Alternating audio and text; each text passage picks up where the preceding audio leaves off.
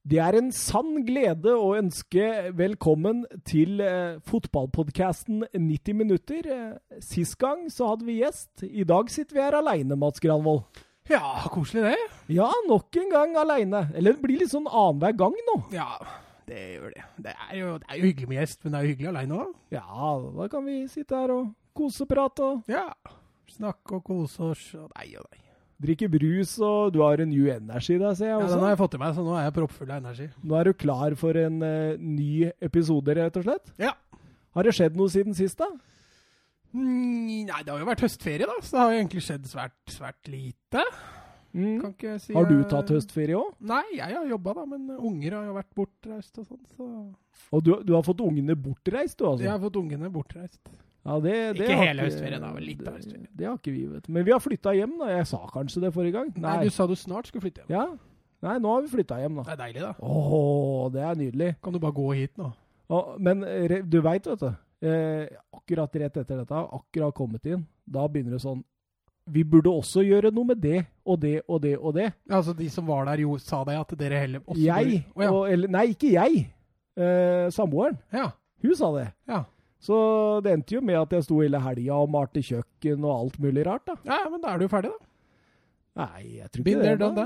Snart uh, har han nok nye prosjekter, skal du se. Yeah. Men jeg har fått litt tid til fotball, da. Det er bra. Ja da, ja da, det, ja da.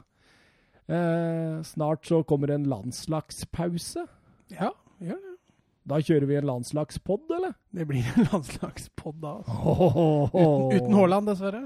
Uten Haaland i poden, ja. Ja, han, han, han svarer jo ikke på meldingene dine, så det blir ikke så lett å få med han. Nei, det er vanskelig, det der. og der.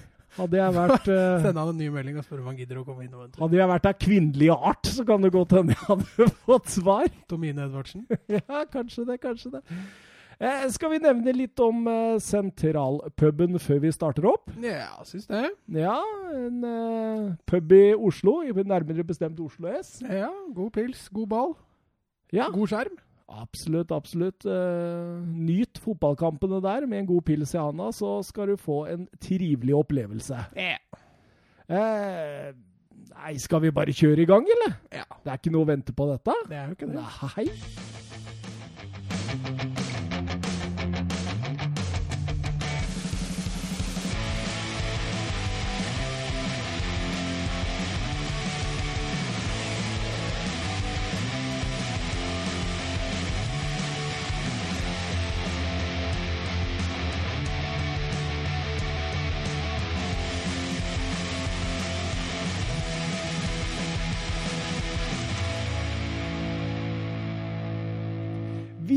Kjører i gang, og vi kjører i gang, vi, Mats, med Premier League som vanlig. As usual. As usual, og vi kjører i gang med Brighton mot uh, Tottenham Hotspur. Tidligkampen på lørdag. Huff og huff. Så du den, eller? Ja, jeg fikk med meg den. Ja. Eh, du kan jo si at jeg trodde vel egentlig at Tottenham skulle reise seg litt etter eh, det forsmedelige 2-7-tapet mot eh, Bayern München, var det vel, i midtuka, men eh, den gang ei. Ja, De fikk jo en eh, forferdelig start her da, med, med Hugo Lloris her. både tabba og det som fulgte etter. Det var jo grusomme bilder. Blir nesten, får nesten litt sånn grøsninger bare av å sitte og tenke på de bildene, faktisk. Ja, det var helt forferdelig, og jeg, så jeg syns så synd på Joris. Først og fremst fordi at det innlegget skulle jo aldri i verden ha kommet. Ser du presset til Lamela i forkant der? Jo, det er jo for så vidt helt enig med deg i det. eh, men, men jeg veit ikke helt hva Loris tenker der òg. Han feilberegner jo alt. Alt feilberegner han der. Ja, Både sin egen eh, fart innover i feltet, men også det at han Altså, det er så mange muligheter Tottenham kan klarere der på forhånd at uh, Hvordan det ender, er både tragisk og komisk, egentlig. Ja, mest tragisk fordi han er ute til i hvert fall januar 2020. Ja, jeg får noen eh, uker nå på sidelinja. Måneder. Ja, absolutt. Eh, Neil Mapai satt returen. Kanskje det letteste målet han har gjort i karriera? Ja. Det var ikke vanskelig å sette den i mål. Og eh, Gazaniga kom inn, eh, Tottenham må gjøre et keeperbytte der, og så tenker man jo at det er OK. OK, da, da rister man av seg den, og så kom man i gang. Ja. Nei, det skjedde ikke. Tottenham greide ikke å skape noe særlig store muligheter, egentlig. Nei, jeg vil heller si at Brighton vaska gulvet med Tottenham, både i innsats og, og, og tæl, rett og slett. Ja, jeg syns Tottenham så litt altså Jeg vil ikke si de så prega ut, men, eh, men, eh, det er lenge siden Tottenham har vært, vært, i denne situasjonen, hvor du taper flere kamper etter hverandre. De røyk mot Colchester i, i cupen fra nivå fire, og så ryker de stygt mot Bayern, og så, og så, nå mot Brighton. Så de er jo Selvtilliten deres har fått en ordentlig, ordentlig knekk. Eh, og de sliter litt med å snu trenden. Og de, eh, det hjalp ikke den første omgangen mot Brighton, for det, det var forferdelige greier.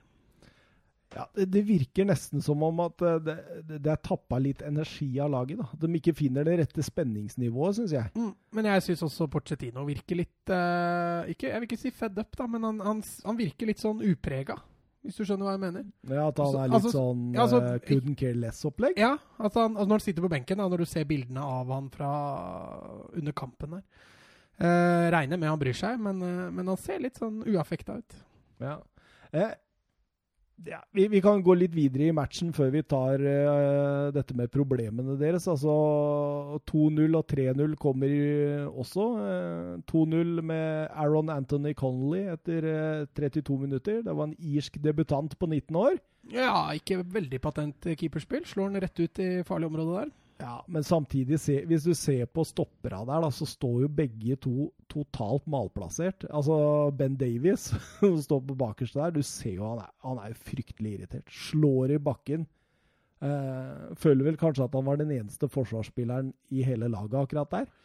Ja, men uh, ja, jeg er så, så helt enig, men uh, Gazaniga kan jo også avverge hele situasjonen der ved å slå ballen utover og ikke rett mm. ut igjen i feltet hvor ballen kom fra. Uh, men han var kanskje litt kald ennå, så han, uh, han, var ikke helt patent. Men jeg er helt enig. Tottenham forsvarer både innlegget som kommer før, eller gjennombruddspasningen som kommer før der, og, og det slappe førsteforsvarspresset. Det, det, lover ikke bra. Det så både ut som Aldevirello og Fartongen også sleit litt i den kampen. Altså. Ja, absolutt. Uh, eh, 3-0 også, ved samme mann. Uh, det er litt av en debut.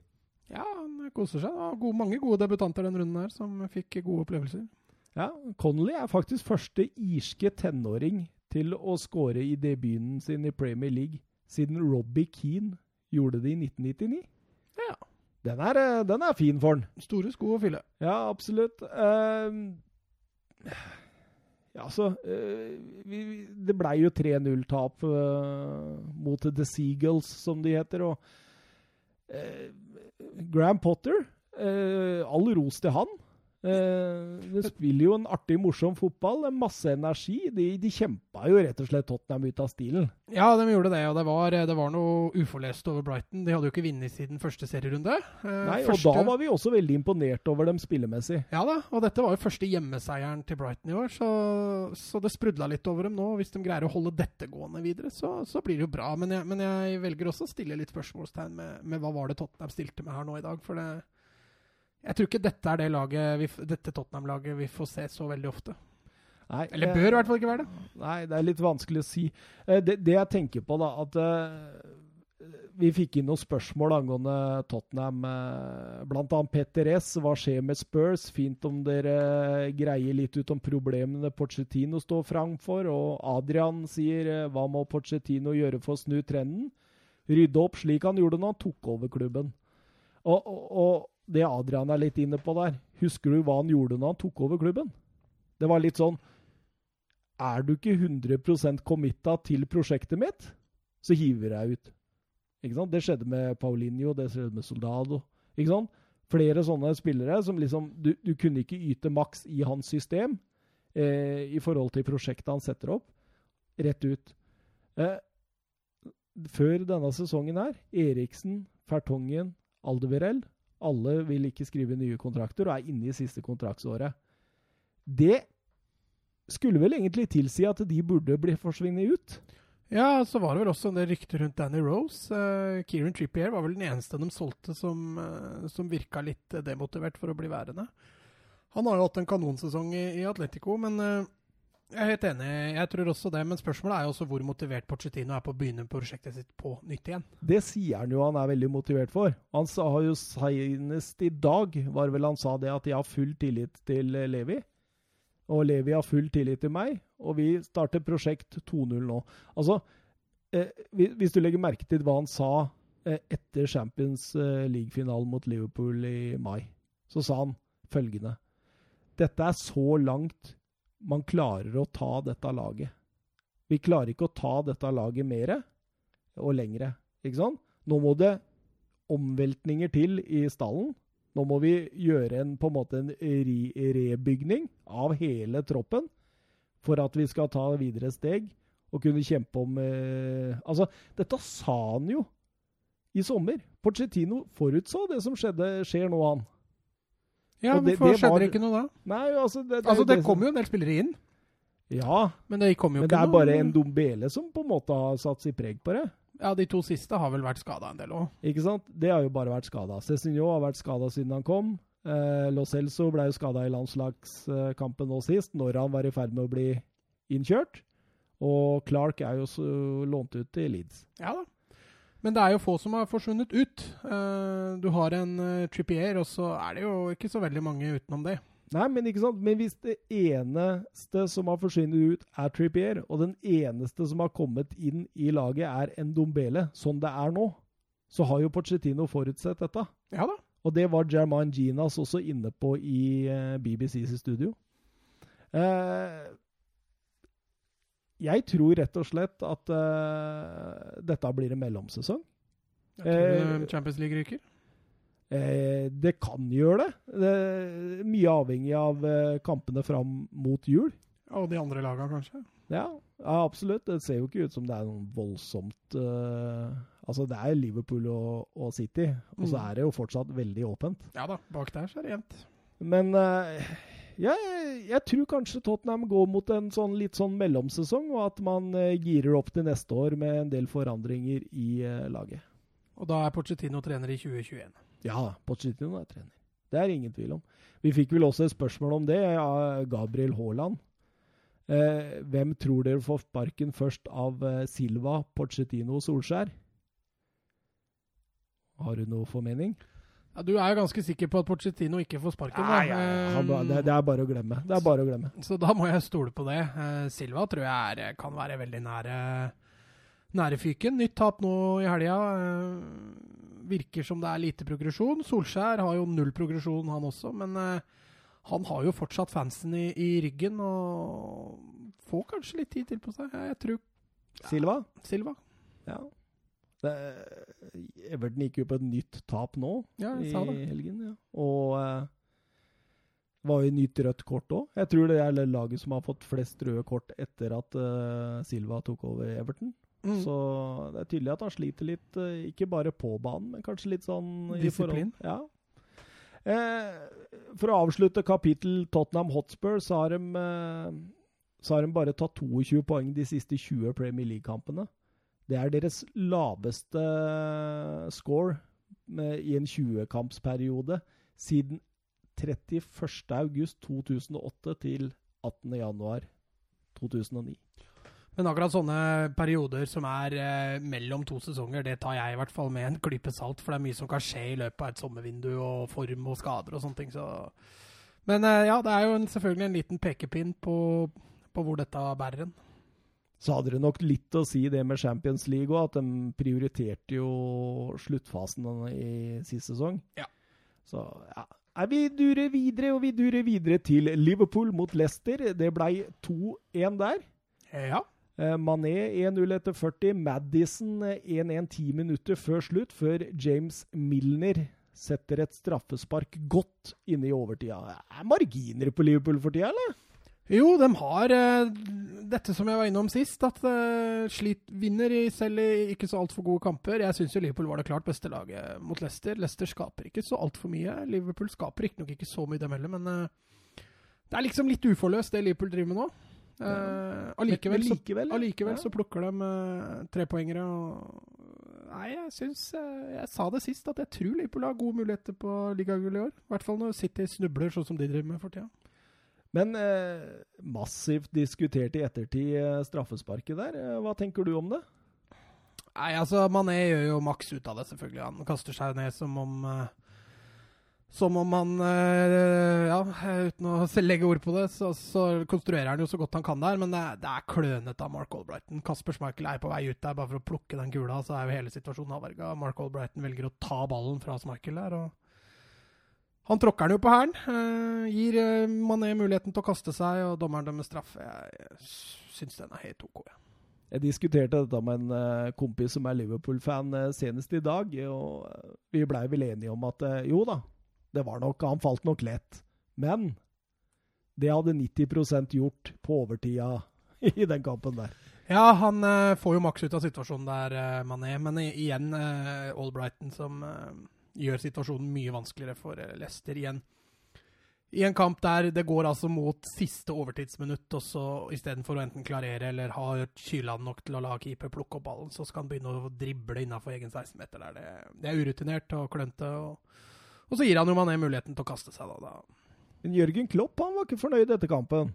Nei, det skjønner jeg. Dette var en av de mindre gode hjemmekampene Liverpool har hatt på en stund. Ja.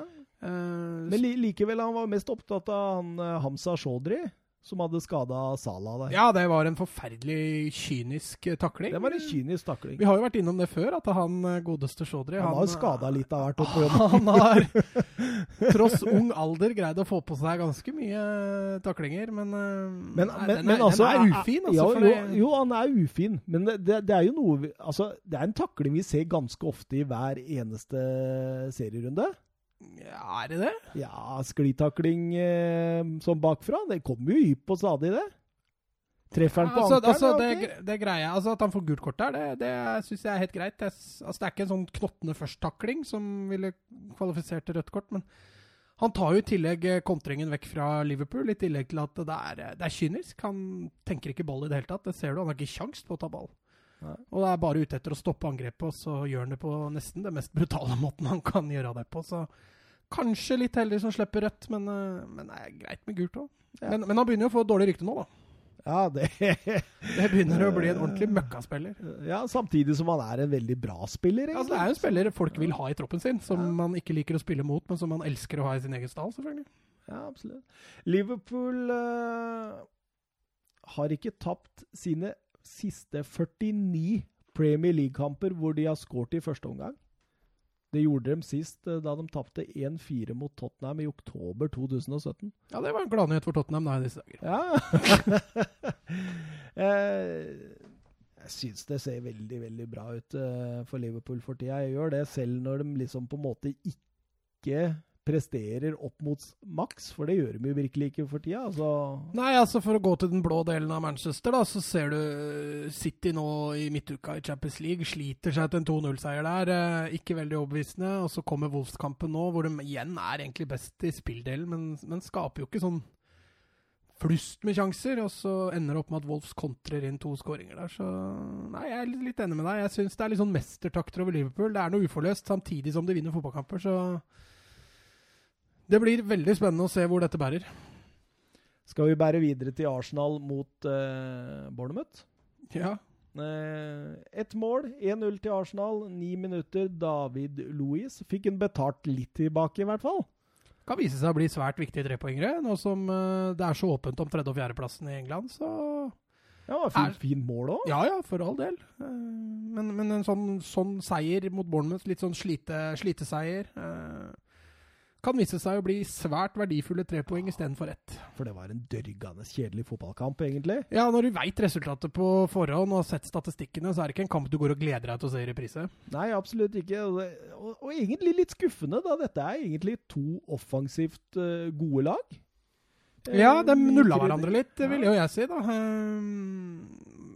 Og så var de sånn litt relativt jevnt fordelt på possession. Altså Arsenal greide ikke å ta ordentlig tak i kula. Bournemouth var rett og slett for gode med ball til det. Men, men begge lag sleit jo med å skape store sjanser, eh, så de lå jo godt defensivt, begge laga. Og David Louis blei tungen på vektskåla. Mm, og det som har gått litt under radaren, det er at Una Emery har gjort Emirates til et fort, egentlig. Altså, det er bare to lag siden Una Emery tok over Arsenal, som har flere hjemmeseiere.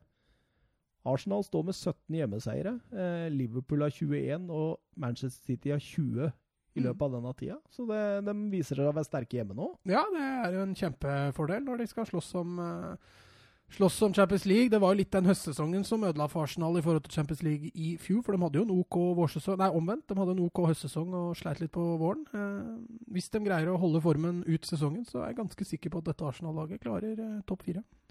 Men David eh, Louise han blir den åttende spilleren som har skåret for både Chelsea og Arsenal i Premier League-historien. Kan du nevne noen av dem, eller? Ja, Giroud. Ja. Galas. Ja. Uh, uh, da fikk jeg jerneteppe. Stille, stille, stille. stille. Ja, Fabregas. Ja, selvfølgelig. Ashley Cole. Of course. Jossi Benayoun. Den tok du ikke. Nei, den, den hadde sittet Han husker jeg egentlig best fra Liverpool, da. Ja. Eh, Emmanuel Petit. Ja. Ja, og den siste storskåleren fra Frankrike, som også var i Real Madrid, den må du ta. Anelka. Anelka. Nicola Anelka. Skal vi eh, gå videre til Manchester City mot eh, Wolverhampton? Wo- Wolverhampton? ja, den er fin. Eh, Wolverhampton, altså. De, de eh, kontret Manchester City i senk, skal vi få si det sånn? Ja, og så syns jeg de var fantastiske rundt egen boks, altså. Altså De står godt. Ja, de står veldig bra. Altså, City, tro det eller ei, har 18 avslutninger i denne kampen. Mhm. To på mål. Ja. Det sier litt om hvordan Wolverhampton har forsvart eget mål. altså. ja. Og det, det, hvis, hvis man har lyst til å slå City på, på Etihad, så nei, var dette kampen å, å ta, legge en mal, altså.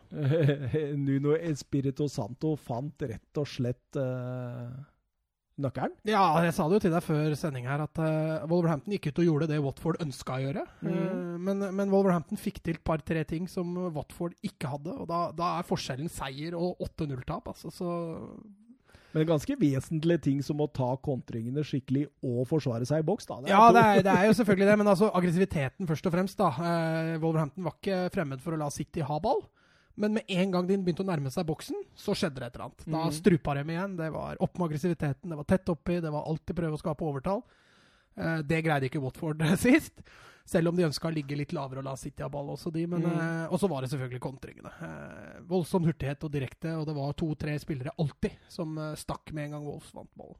Og det var jo genialt trekk å sette Adama Traore som en eh, høyre wingback, som fikk på en måte en uh, fri rolle i disse overgangene. Ja, definitivt. Der gjorde han også en uh, Han ble jo aldri plukka opp. Nei, han gjorde ikke det. Og så er jo ikke Stirling er jo ikke verdens beste i omstillingsfasen heller, så nei, det var eh, det Men var tror du. Nuno Espirito Santo, når han så Manchester City-laget og så at de hadde kjørt Cancelo over på venstreback, tror du det var da han valgte å kjøre Adama Traore som høyre wingback? Ja, Hvor tror du han hadde blitt satt opp ellers, da? Nei, altså, veldig ofte har han jo figurert i, eh, i treeren. Enten eh, helt fremst eller på en måte når han spiller en 4-3-3 på midten, litt uh, ut. Det er veldig sjeldent han har spilt en wingback-rolle. Det skjedde noen ganger eh, sist sesong, men det er ikke veldig ofte. Ja, I så fall så er det jo rett og slett uh, genialt. Uh, Ja, for Cancelo etterlater jo seg mye rom. Ja da, og, og Cancelo er jo ikke noe venstre back heller. Altså, Nei, ja. Det er sikkert ikke så stor overgang å gå fra høyre til venstre, men enkelte takler det jo ikke. Og Adama Traoré fikk jo akkurat det spillerommet han trengte. Absolutt. Og, og se, selv om på en måte City malte og malte på 0-0 der, og de to skåringene kom helt på slutten, så altså, vi må ikke glemme at de hadde noen kontringer der som kunne gitt 3-0 før det hadde gått et kvarter, altså. Ja, de fikk egentlig noen advarsler tidlig der, eh, City. Men, de, men, men igjen, da. City har jo ikke så veldig mange plan B og C og sånn. Så det er, Nei, det, er, det er plan A. Når det Ja. ikke fungerer, så så, så kan det skje, det som skjedde på, på lørdagen. Men eh, nei, jeg syns Wolves gjør en eh, strålende bortekamp på årsbeste av Wolverhampton.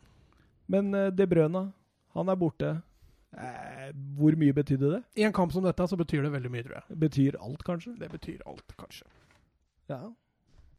Det er første gang Manchester City har tapt på Etihad uten å skåre mål siden mars 2016. Da tapte de 0-1 mot Manchester United. Og da var Manuel Pellegrini sjef. Det er ganske lenge siden. Ja, Solskjær var ikke sjef, i hvert fall. For det er en stund siden. United har vunnet på bortebane.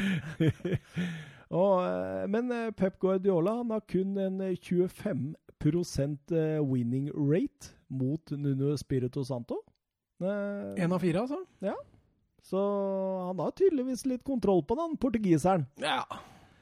Så det er eh, spennende å se. Men du husker jo også Wolves i fjor. De tok mye skalper mot de store laga, og det er tydelig at Spirito Santos han eh, han veit åssen han skal spille mot lag som i utgangspunktet er overlegne, tror jeg. ja, Mens han eh, sliter kanskje litt mer når det er Wolves som er favoritter. ja, tar jeg ikke feil, så er de ganske overlegne også i å ta poeng av topp seks-lag. Mm. Så han har eh, funnet en såkalt nøkkel. Eh, videre har vi Southampton mot eh, Chelsea 1-4. Chelsea fortsetter å imponere offensivt, de.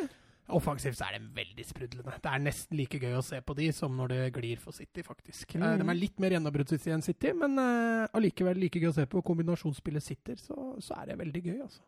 Og det er jo ekstra gøy å se liksom, e altså, unge talenter da, som gjør det i tillegg. Ja, Tom Mori, eh, Abraham Mount Det er jo alle nydelige talenter, egentlig. Altså, Abraham, han er blitt the real deal, altså. Ja, du sa, jo eh, du sa jo tidligere at eh, Abraham var en av de mer ineffektive spissene, i hvert fall i fjorårssesongen med Villa. Ja, han at han kunne hatt eh, i- 50 mål, liksom. Men Ja, og når han har spilt Premier League også, så har han jo, så har han jo stort sett blåst dem tidligere for Swansea og, og videre. Ja, men du ser også det at de åpenbare sjansene Abraham har ikke fått så veldig mange sånn aleine med keeperskåringer. Du ser jo det er litt sånne spesielle mål han skårer, Litt sånn snur seg halvvolley, ja, eh, over keeperen. Litt Drar sånn, av en spiller. Ja, så når han slipper å tenke, Mm. så scorer han. Ja. Men når han, idet han rekker å begynne å tenke, så ser du han sliter litt mer. Men hvis han i tillegg løsner den nøkkelen med, med å være goalgetter eh, også aleine med keeper, så blir han jo en eh, klassespiss. Altså. Ja. Han er en klassespiss. Og eh, for første gang denne sesongen, i hvert fall i Premier League-sammenheng, så satte Lampard sammen Canté og Jorginho sammen i toeren bak, som vi har drevet og snakka om. Det fungerte veldig bra. Det gjorde det. Eh, han gjorde noe Sarri ikke gjorde i fjor, nemlig spille med to dype. Mm. Han gjør noe Solskjær ikke får til i United, spille med to dype. Eh, I en kamp som mot Southampton så var det perfekt, og det er gøy faktisk å se Lampard variere litt i formasjon og måten han spiller fotball på, og, og baserer det litt på motstanderen, men at prinsippene hans er ofte de samme. Men, men jeg tenker jo uh, Altså Dette var en grei seier til Chelsea. 1-4. Haselhuttel var fly forbanna rett og slett på sidelinja der over forsvarsspillet til Southampton. Du så særlig på 3-1 der, så bare gikk han rundt og rista på hodet. Det er tydelig at eh, de fikk en skikkelig en etter kampen der. Han var ikke fornøyd. Ja, så er det gøy at Kanté skårer igjen. Han har blitt- er jo blitt en goalgetter, Reine. Så moro. Men i forhold til en glidende overgang til Manchester United der, så tenker jeg jo at det, det er veldig mange som sier at Ole Gunnar Solskjær Hvis du sparker han nå, det blir ikke bedre. Det hadde ikke blitt bedre, eller blir ikke bedre når man sparka Mourinho, det ble ikke bedre når man sparka van Gaal. Men jeg, men, jeg, men jeg tenker jo det. Hadde Solskjær før, i sommer, la oss si i sommer, må jo Solskjær hatt et mye på en måte større potensial med laget sitt enn det Lampard hadde i Chelsea. Så det må jo være mulig å gjøre dette United-laget bedre òg. Ja, absolutt. Eh, Men, men altså litt av forskjellen her da, er jo det at talentene som blomstrer nå under eh, Lampard og Chelsea, har jo bikka 20. De talent, mange av de talentene Solskjær bruker, som ikke har slått gjennom, da, typ Mason Greenwood og Chong og Uncle Gomez og de, de har ikke bikka 20 ennå. De er fortsatt under. Mm. Uh, så jeg tipper altså Mason Greenwood er jo bare 70. han ble akkurat 18 år nå. Så, så, så han kunne ikke tatt en Tammy Abraham og spilt uke Nei, uke jeg tror ikke Nei. det. Uh, men altså, Rashford er jo 22 eller hvor gammel han er. Så han er jo egentlig på litt eldre enn Abraham. Men uh, ja, jeg Ja, men Pereira og dem, dem er godt over 20, er de ikke det? Pereira og McTominay er vel 1920, og det er, det er jo mye av samme aldersspennet der òg. Ja, det er for så vidt det. Men, eh, men i de viktige rollene som du nevner, da, altså Solskjær har ikke en Mason Mount i troppen. Han har Nei. ikke en Tammy Abraham i troppen. Nei, nei. Uh, og så Jeg føler den sammenligninga blir litt vanskelig, men jeg, men jeg er helt enig med deg at eh, det Solskjær har fått til i United, det, det har vært uh, skremmende lite. altså. For vi drar bare videre, rett og slett, til Ole Gunnar Solskjær og hans oppgjør på The Tyneside. Han møtte Newcastle på bortebane der, så jeg, jeg må innrømme at jeg tenkte jo før matchen at Vet du hva? Dette her blir 0-0 eller 1-0 til Newcastle. Hvorfor tenkte du 1-0 til Newcastle? Nei, fordi jeg tenkte det at Newcastle kommer til å ligge så kompakt, så korte avstander. Og altså, dette er arven etter eh, Benitez. Eh, dette kan Newcastle. Dette sitter i ryggmargen til Newcastle. Og er det noen lag i Premier League som ikke klarer å spille ut et etablert forsvar med korte avstander, så er det Manchester United. De Ja. vil ikke få mål. Altså, de, de kunne fått et dødballmål, og det visste vel Harry Maguire også, med det eneste store målsjansen de faktisk klarer å produsere. Ja. Det er, eh, altså United har eh, De har riktignok noen avslutninger der, men få gå på mål, og det er som du sier, største sjansen de fikk, var, eh, var på dødballer. Ashley Young slår faktisk noen ålreite dødballer i denne kampen. Men det ene der skal Maguire sette på mål. Altså, det er Ja. større prestasjon å sette den Ja, jeg er helt enig. Det er helt forferdelig at han ikke skårer, faktisk. Men uh, Matthew Longstaff Han ordna biffen, han. Han jo ordna biffen, han. To ganger Longstaff på midten der, det var eh, nøkkelen. det. De uh, overhøvla United-midtbanen. Ja, altså Det er jo godt gjort også av United da når de får altså Sean Longstaff og Matty Longstaff til å se ut som Xavi og Iniesta. Det er, det, det er jaggu godt gjort. De Gea var ute etter kampen og sa at dette er ikke akseptabelt. Dette er bare flaut. Ikke bare i dag, men hele sesongen. Vi spiller ikke bra. Vi klarer ikke å skape mål og sjanser, sier han til Sky Sport. Ja, altså, jeg satt jo den kampen og irriterte meg litt, så jeg lagde meg noen notater angående Ja, det sa du til meg før All Boys-treninga, at jeg, skal, jeg har en liten om Manchester United, og da tenkte jeg det at høy! Jeg tenkte For du, du har jo vært den positive. Ja, men jeg har det. Og jeg er, jeg er ikke utelukkende positiv lenger. Men uh, jeg syns jo det er ja, Jeg satt og irriterte meg under Newcastle-kampen. uh, for hvorfor United ikke gjør det og det isteden. Hvorfor har de ikke en tydeligere plan? Uh, men bare for å begynne da på Vi må nesten også ta høyde for skadeproblematikken til, til United. Altså En Van Bissaka hadde vel mest sannsynlig gått inn. Luke Shaw hadde vel mest sannsynlig gått inn. Eh, Lindeløf mest sannsynlig gått inn, selv om jeg mener at Tuan Sebe burde Han var jo en av de bedre. ja, og så syns jeg han har, han har det ene da, som Lindeløf og Maguire ikke har, for han har tempo. Eh, så han ville komplementert eh, Harry Maguire i mye større grad. Og så må man jo selvfølgelig ta de juniorfeilene han kommer med i starten, men, eh, men jeg syns uh, Tuan Sebe og Maguire virker som en eh, god, Ok godt stoppepar. Ja. Og så ville jo selvfølgelig Pogba gått inn på midten, mest sannsynlig for en Fred, da, som starta mot Newcastle. Og så ville vel kanskje også Martial gått inn på topp, og så ville de jo da mest sannsynlig ha skjøvet Rashford ned på en, eh, ned på en kant. Så det er vel egentlig men, men, men her nevner du ikke flere skader enn hva gjennomsnittlig på en måte Premier League-tropp har? Nei, men altså, jeg kunne jo nevnt Jesse Lingard og de, men, men altså, dette er jo ikke spillere som ville gått inn og forsterka laget. Nei? Og da ser jeg ikke noe grunn til å ta dem med, ta dem med i den. den. okay. Så sånn i øyeblikket da, så er det de fire og en halv, fem spillere jeg mener eh, kanskje United savner mest, da. Eh, men når det gjelder spillet, altså det positive da, for United sin del, syns jeg er det defensive. Der har de tatt et steg fra, fra i fjor, i hvert fall på slutten. Det er kortere avstander. Eh, United er mye flinkere til å omstille seg fra balltap og komme seg ned i posisjoner. Eh, og da tenker jeg spesielt når de ligger etablert i, i forsvar. Det er vel en av de få positive tingene jeg har sett forbedra seg under Solskjær nå i den perioden. Eh, så til det negative, for å, ta det, for å ta fortsatt litt i det defensive. Da. Det offensive presset til United er helt håpløst. Det er Ja. helt natta. Når Newcastle, med Sean Longstaff-brødrene holdt jeg på å si, i spissen, greier å spille seg ut nesten gang etter gang, fordi United presser én og én. Altså, det er ikke noe samla press whatsoever. Altså. Nei, det går igjen. uh, så når de kjører fram, og så ser du da de to dype på United uh, Denne kampen var det jo Fred og McTominay. De tar ikke steget fram. Det er kun de fire der framme som skal presse høyt. Det vil si at når Newcastle er seks stykker som spiller seg ut, så klarer de med det gang på gang. Så skaper de et rom. Så skaper de rom gang på gang, enten på kantene, eller så trer de opp igjen. Mm. Det var liksom ikke noe problem å spille seg ut. Eh, det er det ene som United som var fryktelig frustrerende. Eh, og så det offensive. United er voldsomt ensidig, altså ensidig, og da mener jeg med at de angriper Hvis de angriper på venstre side, så skal gjennombruddet skje på venstre side. Det er ikke snakk om noen spillvendinger, det er ikke snakk om å sette opp noen trekanter. Det er ikke snakk om å spille opp på spiss og legge igjen på rettvendt. Det går liksom på den ene kanten de angriper, og der skal gjennombruddet skje. Eh, Ja, det klart, Særlig en hurtig vegg. ja, altså, altså, altså eller, eller, eller, prøvde å få rettvendt James, da, eller de gangene han lå bredt. Uh, James én mot én kan være farlig. Mm. James to mot én, helt ufarlig. Ja. Og det samme gjaldt for så vidt Pereira når Newcastle lå etablert.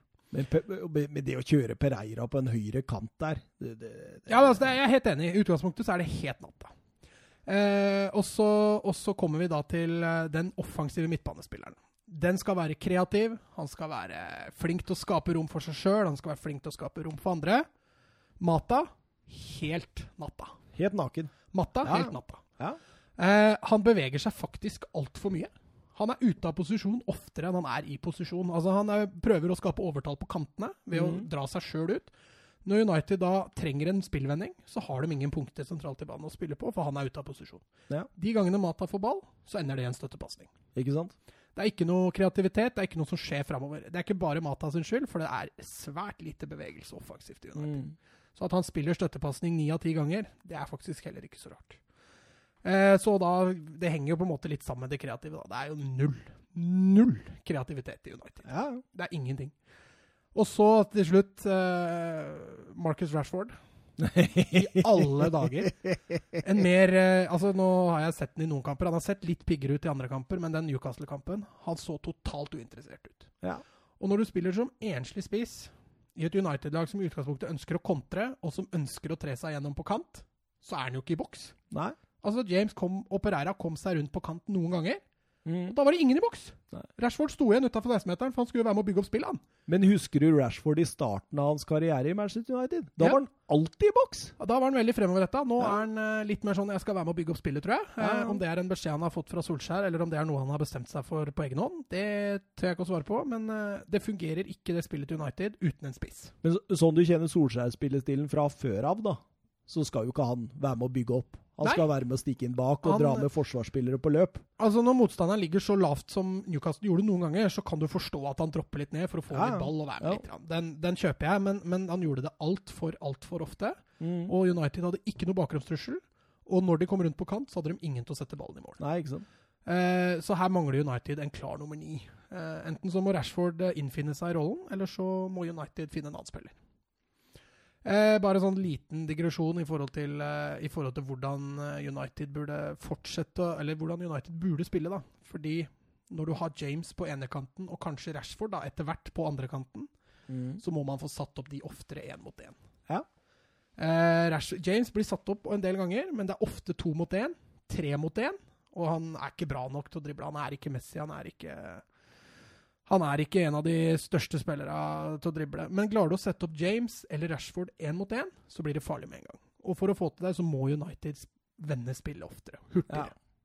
Og det, det, det må de ikke i nærheten av å gjøre mot Newcastle. Og så syns jeg det er påfallende å nevne at fy flate, for en pasningskvalitet United har. Mm. Den er så ræva. Ja, ja. Altså, det er på feil fot, det er for løse pasninger. Mm. Spilleren som skal dempe ballen, er ikke, er ikke i balanse, så han bruker jo tre sekunder bare på å få kontroll på kroppen og beina Ja, det går og ballen.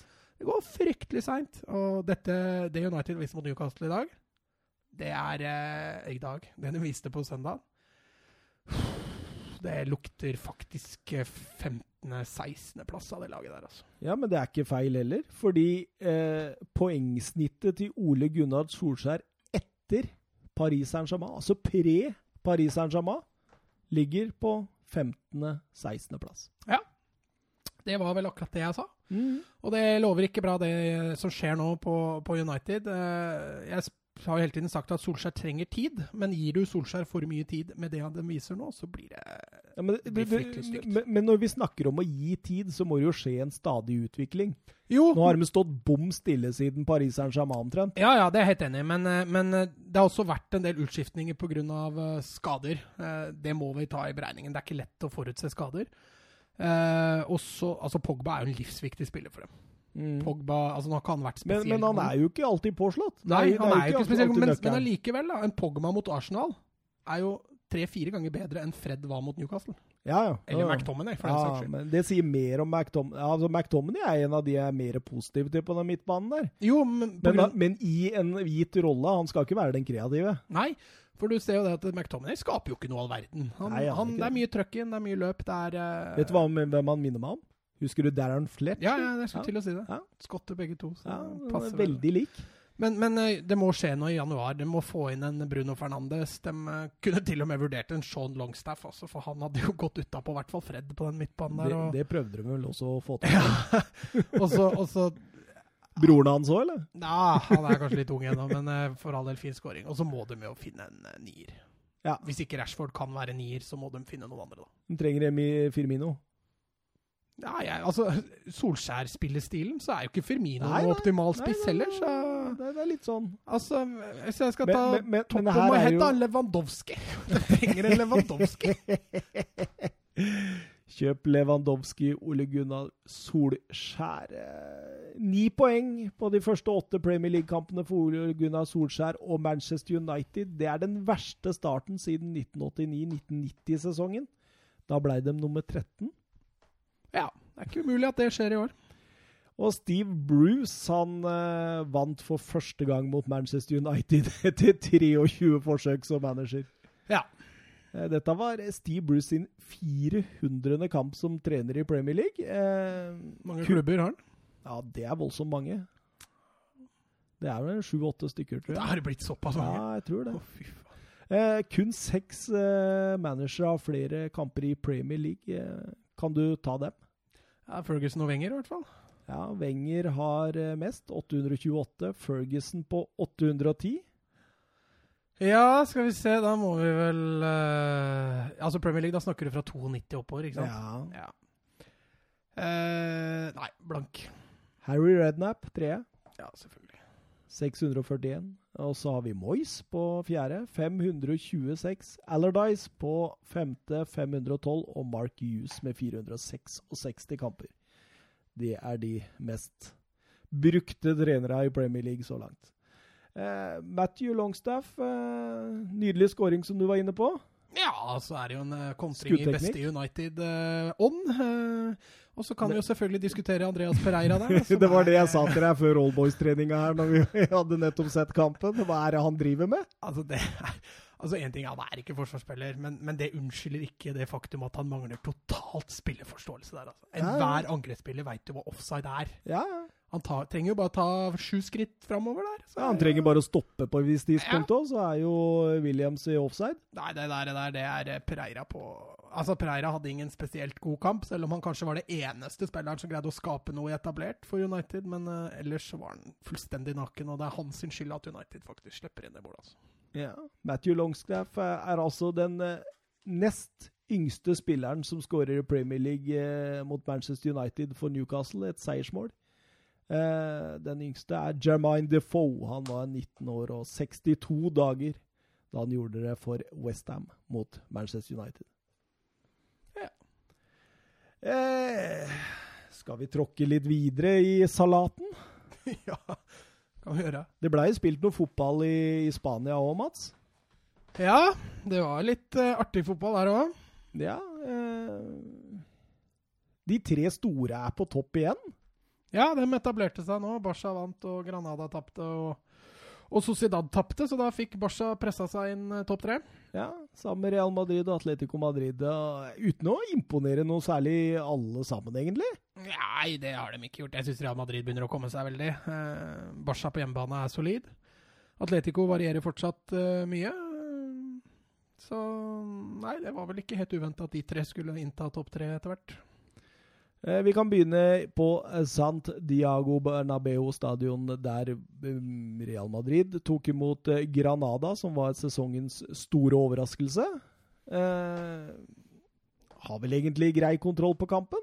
Ja, de holdt jo på å surre til igjen. Eh, de gjorde det jo fryktelig spennende i, i forrige hjemmekamp mot Levante. Eh, men jeg, altså, de tre første måla til Real Madrid, det er fotballkunst. Eh, Så du en utsida fra fra ja, Bale altså, assisten ah. Til Bale til Benzema er, er eh, helt nydelig. Langskuddet der til eh, Modric som, eh, som sniker seg opp i krysset. Eh, chippen til Eden Hazard over keeperen. Er, eh, det er pur, pur klasse. Ja, men, eh, og 3-0 står det jo da når det har gått en times tid, og så våkner Granada. Darwin eh, Marchis eh, på straffe. Ja, Alfonso Areola gir dem en livbøye der. Sparker Mm. ned angrepsspilleren. Forferdelig klønete keeperspill, og Granada setter straffa. Ja, og Duarte til 3-2 rett etterpå. Ja, nok en gang dødball. Real Madrid slipper innpå. Det har vært mye dødball baklengs uh, denne sesongen. Men eh, ja, nei, Real Madrid hadde jo, som du sier, grei kontroll. Ja, Du følte det hele veien, Ja. i hvert fall. Jeg, jeg, Men, men det er klart, på 3-2, når de skårer 3-2 Ja. der, så får du litt sånn ja, og det var fem minutter der jeg tenkte at nå kan det skje, men så Mm. skjønte du etter fem minutter at nei, nei, For de har, eh, Vi snakka litt om det med Bayern, at de har et ekstra gir, og det, det viste Real Madrid at de hadde der også. Det er et, det er et styrketegn. Ja, Morsomt eh, at James Rodriguez setter 4-1 i hvert fall, da. Ja, han satt i 4-2, da. eh, 4-2 men mener jeg. eh, han, eh, fin, fin scoring, fint forarbeid der. eh, Og får en enkel avslutning der på, på Hames. Du sier at de er oppadgående. Jeg syns spillet til Real Madrid virker eh, mer positivt enn det vi har eh, sett på, på en stund. Eh, det Ser er vi en ny Zidane, eller som tar litt mer hensyn til motstanderen og sånn? Ja, vi snakka om det i forrige podkast òg, at eh, Mm. Real Madrid virker, eh, virker litt mer eh, hva skal vi si, jordnære. Ja. Um, Har innsett realiteten på hvor de er. Zidane kanskje begynner å se litt mer taktisk ut enn det han har gjort tidligere. Ikke spiller så mye på måfå. Uh, men det er klart Granada altså Det har ikke vært så veldig mye målestokker å måle seg med her nå for Real Madrid. Det har vært Granada, det har vært Levante, det har vært uh, Klubb Brygge. Selv om de snubla litt der, så har det ikke vært noen storoppgjør de har møtt. Så, men men 0-0 borte mot Atletico var jo et bra resultat, eh, føler jeg. I en kjedelig I en fotballkamp. kjedelig fotballkamp. Så de har egentlig ikke gått på et skikkelig bananskall siden de tapte mot PSG nå. Så det gikk opp et lite lys for han i den kampen, tror jeg. Det blir spennende med, med kampen mot Barcelona om to serierunder, da. Ja, det er jo en serierunde nå etter landskampen, og så er El Clásico på, på Camp Nou. Så det, der er det Og til alle drammensere der ute, den er større enn Elv Clasico, altså. Hakket. Der er det både politiske og, og uh, rivaliserende på alle mulige måter. Så det, det blir veldig, veldig gøy. Real Madrid inntar altså tabelltoppen, og vi går videre til Valencia mot Deportivo Alaves. Man veit liksom ikke hva man får, får når man ser Valencia. Nei, men nå møtte de jo et lag som ikke har imponert stort denne sesongen. Og Valencia spesielt i første omgang syns jeg var, eh, var, var Det var solid igjen. Eh, Mm. Det virker som de nesten tar litt hensyn til Alaves. Og det tror jeg Valencia bare bør fortsette med. Uansett hvem de møter, så ta hensyn. Ja, Vi snakka om arven etter Benitez. Her er det jo også Ja, etter litt- Marcelino. Ja. Han er eh, Nei, Valencia burde egentlig bare ta hensyn dem til alle de møter, og så legge opp spillet deretter. Og så, så kanskje de eh, vinner flere hjemmekamper hvor de er favoritter. Celades eh, meget fornøyd etter kampen og at de reiste seg etter en hårreisende kamp i midtuka. Ja, de røyk jo så det sang hjemme mot, mot Ajax og fikk vel en liten reality check etter at de hadde slått Chelsea borte. Så trodde de vel kanskje at ting skulle gli, men eh, Ajax ville ting annerledes. Så det, man måtte jo opp og reise seg for også å holde følge med, med denne fjerdeplassen som gir Champions League neste år òg. Maxi Gomez eh, 1-0 der, så han, han har kommet i gang. Ja, altså sett flere nå som skriver at det, det har ikke vært så veldig bra spill, selv om han har begynt å skåre mål. Eh, delvis enig. Jeg syns han, eh, han sliter litt i spilldelen, men så lenge han skårer, så, så er det ikke så mye å ta på han. For det er det han uh, kjøpte inn for å gjøre. Daniel Parejo 2-0 på et straffespark før uh, Lucas uh, Perez. uh, Ja, kontant, kjenning fra kontant avslutning via tverrleggeren er på åpent mål. Det, det er kaldt og rolig. Han var vel ikke kjent som noen målsniker i Premier League heller, så Nei, han er vel en av de bomkjøpene fra La Liga til Premier League som har kommet tilbake igjen. Så får vi se om han fortsetter å skåre. Men jeg leste det var mer bråk i Valencia nå? Ja, under kampen sist nå så sang jo Valencia-fansen at, uh, at eh, klubbpresidenten kunne finne seg et nytt uh, sted å bo. Han uh, svarte med å hysje på fansen. og nå har det også vært utestengelser og hytt og pine, så det er, det er blitt en Om det ikke var en kaosklubb fra før, så er det i ferd med å bli det totale kaos, altså.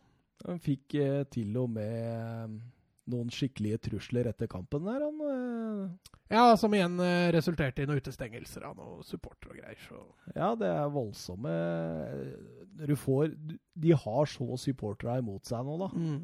Og det er, eh, det er, det er ikke bra. Og, og, gamle legender som Santiago Nei, hva han heter? Canizares. Canizares, ja. Som, som går ut og sier det at vet du hva, klubben her har støtta min eh, kamp mot barnekreft i lang tid, men nå har de trukket seg ut av det. Altså, det, det hjelper ikke Canizares, det gjør ikke det, altså. Nei, han, eh, de har eh, Nei, uff, det er så synd med, med Valencia, for det er så mye potensial der. De har en halvferdig bygd stadion som, som de ikke blir ferdig med. De har en rotete administrasjon. De har et lag som presterer voldsomt ujevnt, men, men som har et potensial. Og de er flinke også med talenter som, som stadig vekk kommer opp der. Så det er, det er veldig synd at en klubb som Valencia ikke greier å stabilisere seg på et visst nivå. Altså. Det er en storklubb. Absolutt. Mm. Celta Vigo, Atletic Bilbao. Eh, noe overraskende 1-0, kanskje? Ja, så at Bilbao ikke skårer mål det, det er ikke overraskende. var ikke så overraskende. men at de skulle slippe inn en mål, det, det var litt mer overraskende. Iago Aspas med sitt første mål på Han har spilt åtte kamper nå og kun skåret ett mål. Det er litt uvanlig til å være i Aspas, eller? Ja, han uh, har slitt med å komme i gang. Uh, men det gjelder jo for så vidt mye av Celta Vigo de har møtt bra motstand, da. De har, møtt, de har møtt, en del god motstand og lå jo, lå jo, uh, lå jo nærme streken. Har riktignok tatt et litt steg bort med den seieren her, men dette var altså bare den andre seieren til Celta i år. Og vi, vi håpa jo tippa dem eh, litt høyere på tabellen, men vi får se. Jeg tror de klatrer litt til, for det er, noe, det er litt uforløst over Celta. Altså. Det er det, og det viser jo at uh, Santimina, Jago Aspas-samarbeidet uh, begynner å ta litt uh, form, da. Ja, altså en Rafinha som nå kanskje kommer tilbake igjen i form. Leid inn fra Barcelona, i tillegg til en, eh, til en um, Han som også er henta fra Barca, Dennis Suárez, som har vært meget god, syns jeg. Så Nei, det er, noe, det er noe litt uforløst med, med hele Celta. Men Bilbao har kun vunnet én kamp siden landslagspausen. De lå vel på topp der en periode nå. Nå er det én seier, to uavgjort og to tap på de neste fem. Ja, Litt de, tyngre. De er jo et lag som skiller seg ut. De har faktisk uh, lik målforskjell som Atletico Madrid. Skåret sju mål, sluppet inn fire mål. Ja. Uh, Atletico har 15 poeng, Bilbao har 12. Ja. Så det betyr at uh, Madrid er litt flinkere til å slippe inn mål der når de skal, og, og skåre når de skal, mens Bilbao de, de, er litt mer avhengig av hvilke lag de møter, tror jeg. Det var en glidende overgang, det, til Valladolid mot Atletico Madrid. Ja, den eh, kampen uh, pina jeg meg gjennom faktisk i stad. Oh. fryktelig, fryktelig dørgende. Eh, kanskje verdt å nevne den VAR-situasjonen der. Den uh, straffesituasjonen. Det er kanskje den billigste VAR-straffa jeg noen gang har sett. Jaså? det var altså Jeg vet ikke om du har fått det med deg? Jo, jo. jo han, uh, han sparker den riktignok under foten der, Partey, men Nei, jeg syns den var fryktelig billig, den straffa. Han bomma uansett, så det ble jo ikke noe tellende, men uh... Sandro Ramires, altså. Han hadde 15 mål på 31 kamper for uh, Malaga i 15-16-sesongen. Ble solgt til Everton med et stort håp. Mistet fullstendig selvtillit og målteft i, i Everton. Eh, kom, spilte knapt nok en fotballkamp og, og har ikke skåret i noen av sine 51 siste kamper. Det er spissen sin! Men dette sa vi jo før sesongen, at uh, Sandro Ramires er en spiss uten målteft. Uh, han dukker ikke opp der uh, ballen lander ofte. Han, han, jobber mye og hardt og har høy energi i spillestilen sin, men når du også bommer, begynner å bomme på straffespark, da er det ikke meant to be. Altså. Men du, etter tre serierunder så var jo Atletico Madrid eh, fire poeng foran Real Madrid. Og etter åtte serierunder er Atletico Madrid tre ba poeng bak Real Madrid. Eh, sju skåringer på åtte kamper. Eh, det er det svakeste de har prestert siden 05-06-sesongen. Og 14 færre enn på samme tidspunkt da de vant serien sist. Eh, betydde Grismann så mye? Ja, kan, eh, kan, godt være at han uh, betydde litt. Uh, men det er, det er, veldig ujevnt, det Atletico presterer. Spesielt offensivt. Uh, de har vært gode i Champions League, syns jeg. I La Liga så er det veldig, veldig ujevnt. Og det er klart Det har vært mye forandringer i Atletico. Må kanskje gi dem litt mer tid enn det vi trodde. Kanskje Simione-spillestilen begynner å tære litt på at det er på tide med noen forandringer også på trenersida. Ja, for du, du, var jo inne på det i sommer, at uh, etter disse kjøpa nå, Felix og hele pakka, nå må han løsne litt opp. Nå må vi se et uh, mer offensivt, sprudlende Atletico Madrid. Men det, det, har jo egentlig bare blitt verre de siste Ja, altså de spiller samme type fotball, i hvert fall. Uh, også, men altså en Morata som har riktignok har vært skada litt, men, men, han er jo ikke i nærheten av å skåre mål. Costa har jo ikke vært i nærheten nærheten av å skåre mål siden han dro fra Chelsea. Um, så det er noe fundamentalt gærent på topp der. Felix Joao virker jo Han er jo fortsatt ekstremt ujevn. På sitt beste fantastisk, på sitt dårligste helt average. Men han er faktisk toppskåreren til Atletico Madrid med to mål. Ja da. Han, han bøtter inn mål. Costa én på seks, Morata én på fem, og Kåke, Thomas og Da mener jeg Party, altså. Partey. Party. Og Saul Liges har ett til sammen. Ja. Uff a meg. Jeg, jeg, tror de savner eh, Grismann, ja, og at kunne behøvd Grismann mer enn uh, en, uh, Ja, jeg er i. Barcelona, egentlig. Jeg er helt enig. Griezmann har jo ikke vært god i Barcelona heller, men, eh, men eh, Nei, en, en, de, akkurat i den perioden, overgangsperioden som jeg tror Atletico er inne i nå, så tror jeg de kanskje kunne trengt en Griezmann til å både være litt kreativ, men også skåre de 1-0-måla som de ikke klarer å skåre nå. Du dreiv og pekte på Twitter her nå, så da Atletico sliter voldsomt med å skåre i La Liga, til tross for store offensive investeringer. Betydningen av Grismann større enn man skulle tro, spør Vebjørn Fredheim. Da kan du ta den, egentlig. Ja, jeg var jo akkurat litt inne på det. Eh, kanskje, kanskje. Jeg tror, eh, eh, som jeg akkurat sa, en Grismann i denne overgangsperioden som Atletico er inne i nå, tror jeg kunne vært godt å ha for Atletico. Eh, men det jeg først og fremst ser som Atletico mangler, det er jo en spiss som skårer mål. Eh, for de Ja. har jo OK kreativitet. Thomas Partey har jo vært fantastisk i sesongåpninga. Jeg mm. han har Mm. vært helt glimrende. KK Koko Saul leverer som de pleier å gjøre, eh, mens, mens det er Morata Costa som underpresterer, og en Felix Joao som er veldig ujevn. Vitolo har vært litt inn og ut av laget, ikke fått det til. og Ja, for de, de får jo servering. De får jo servering fra bekkene veldig ofte. Ja, altså Diego Costa det var riktignok i Champions League, men han hadde jo tidenes bom eh, på åpent mål. i Men der skårer de litt mer. Hva da? Atletico Madrid skårer litt mer i, i Champions League. Ja, i Champions League så går det bedre. Eh, I hvert fall i de to første kampene har de skåret fire på to kamper. Så det er jo, Det er jo er et OK snitt å ha i Champions League. det. Spesielt når du har møtt eh, Moskva på bortebane og Juventus på hjemmebane, så er det, det, er det innafor, det. Men, men i La Liga så, så butter det altså forferdelig. Og hvis ikke dette løsner snart, så er jeg redd toget går. Ja. Og så satte jeg meg ned for å se på La Real Sociedad mot uh, Getafe. Uh, Blei litt skuffa. Eh, jeg så La Real-legenden Shabi Preto ga Martin Ødegaard uh, Måten spiller. måneden spiller rett før, eh, og, og følte litt stolt, egentlig. Ja, det var litt hyll-hyll. Ja, det var det, altså. Eh, men eh, merka jo fort at dette er ikke kampen Martin Ødegaard normalt sett kommer til å dominere, for dette ble krig. Ja, altså Getafe legger alltid opp til krig. Ja. Uh, Damian Suárez på venstrebekk er kanskje verdens mest ufyselige fotballspiller. Uh, alltid på jakt etter slåsskamp, alltid på jakt etter bråk. Alltid på jakt etter å lage kvalm. Eh, og sånt er litt sånn gjennomsnittlig på, på Getafe. Eh, de har jo ikke ballspillerne, Nei. så jeg forstår utmerket godt at de prøver seg på den måten. Ja, har jo lyktes. Eh, likevel, eh, La Real tok ledelsen 1-0 med Mikkel Merino på hodet. En av svært sjeldne skåringer han eh, foretar seg. Eh, Han ble glad òg. Ja, han ble glad. Og han har vært god i år.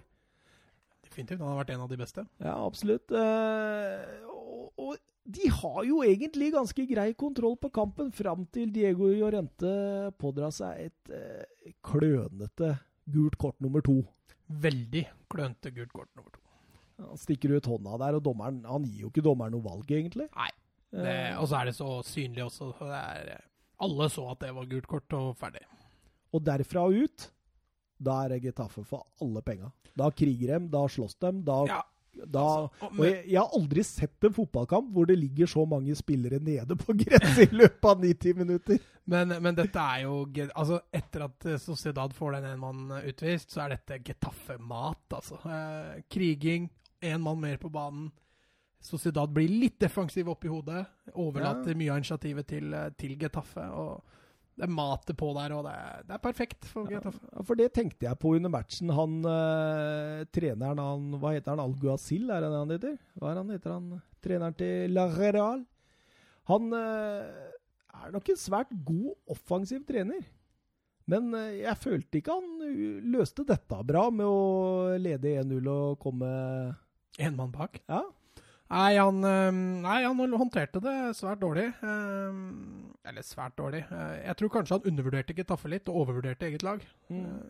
ja for, han, for det virka som de skulle kjøre på det samme. Ja. De tok ikke hensyn til at det var en mann mindre i det hele tatt, egentlig. Nei, altså undervurderte han kanskje Getafe litt som ballspillende lag også. Altså, de, de var ikke noe sånn fyrverkeri, men, men det går hurtig framover med Getafe. Og når de er presise og treffer på innlegg og sånne ting, så blir det skummelt. Da. De Hadde, Hadde dette vært Mourinho, ikke sant, så hadde han tatt ut uh, Martin Ødegaard og Oyarzabal, Sabala, og så Mm. hadde han bare kjørt inn på murbrekkere, og så ridd av.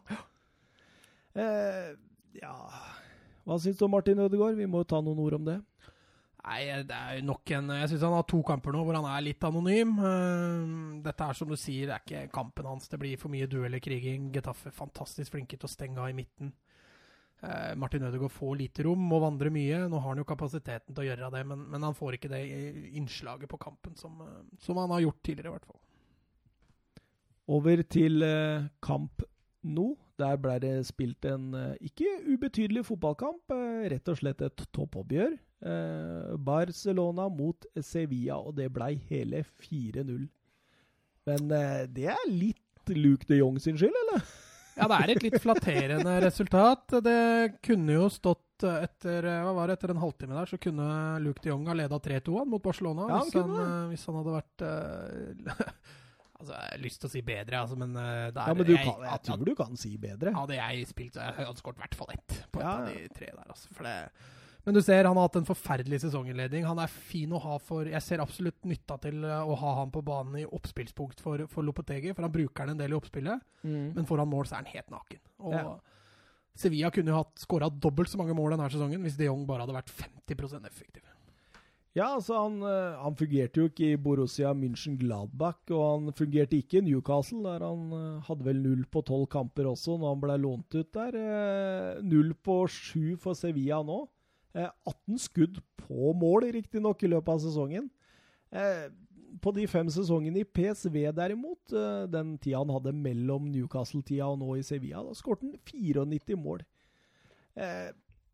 Er det noen typisk sånn 'gjorde det bra i Eres-divisjonen', gjør det dårligere når han tar noen steg opp? Ja, det kan være det. Eh, som jeg sa i stad, så, så syns jeg han er fin å ha for Sevilla i, i oppbyggingsspillet til Lopetegi. Jeg syns han passer fint inn.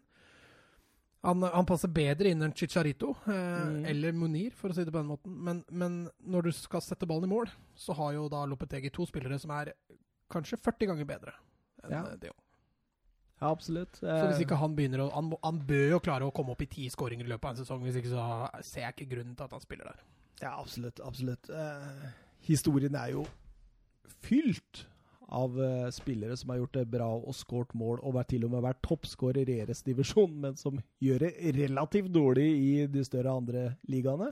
Ja, Luke de Jong var, han var bra i PSV, spesielt foran mål. Uh, nå har det vært litt mer omvendt. Han har vært bra i, i spillet sin del. Men, uh. Vet du hva, Når vi er inne på det med gode i eredivisjonen, dårlige dårlig i andre, vet du hva jeg kommer først og fremst på?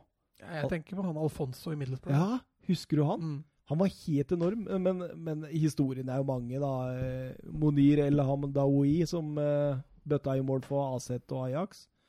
Eh, Takla jo ikke i, eh, det i Fiorentina. Du har jo Vincent Jansen for å mm. ta en uh, Spurs-relasjon. Uh, Ricky van Wolfswinkel, husker du han? Mm.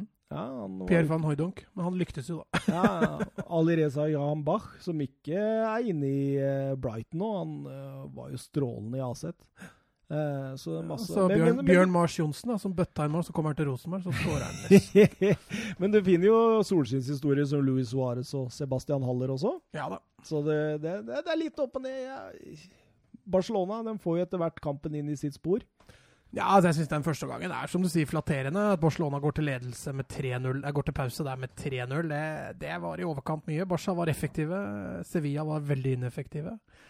Men uh, fine skåringer av, av uh, Barcelona. Luis Suárez sin brasse, halv, halvveis brasse der, vil jeg si, var, uh, var meget godt utført. Vidal eller, Å, det var nydelig mål, da.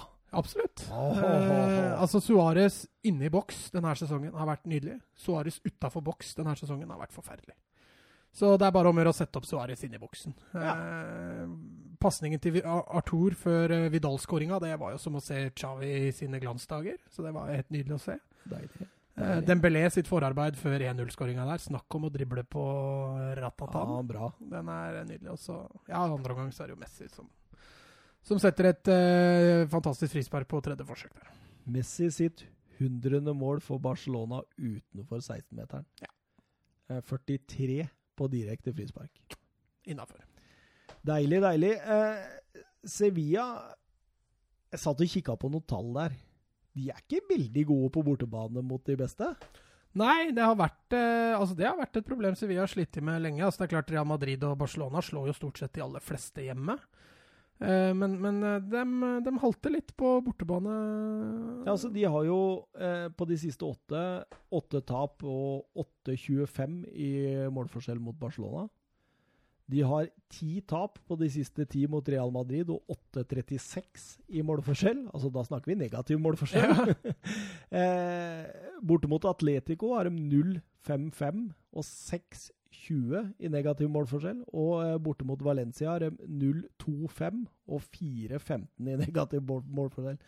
Vi kan til og med ta med uh, Atletic Bilbao også. På de siste ni der så har de 0-0-9 og 4-18 til sammen mot disse, da, så blir det null seire, sju uavgjort og 37 tap.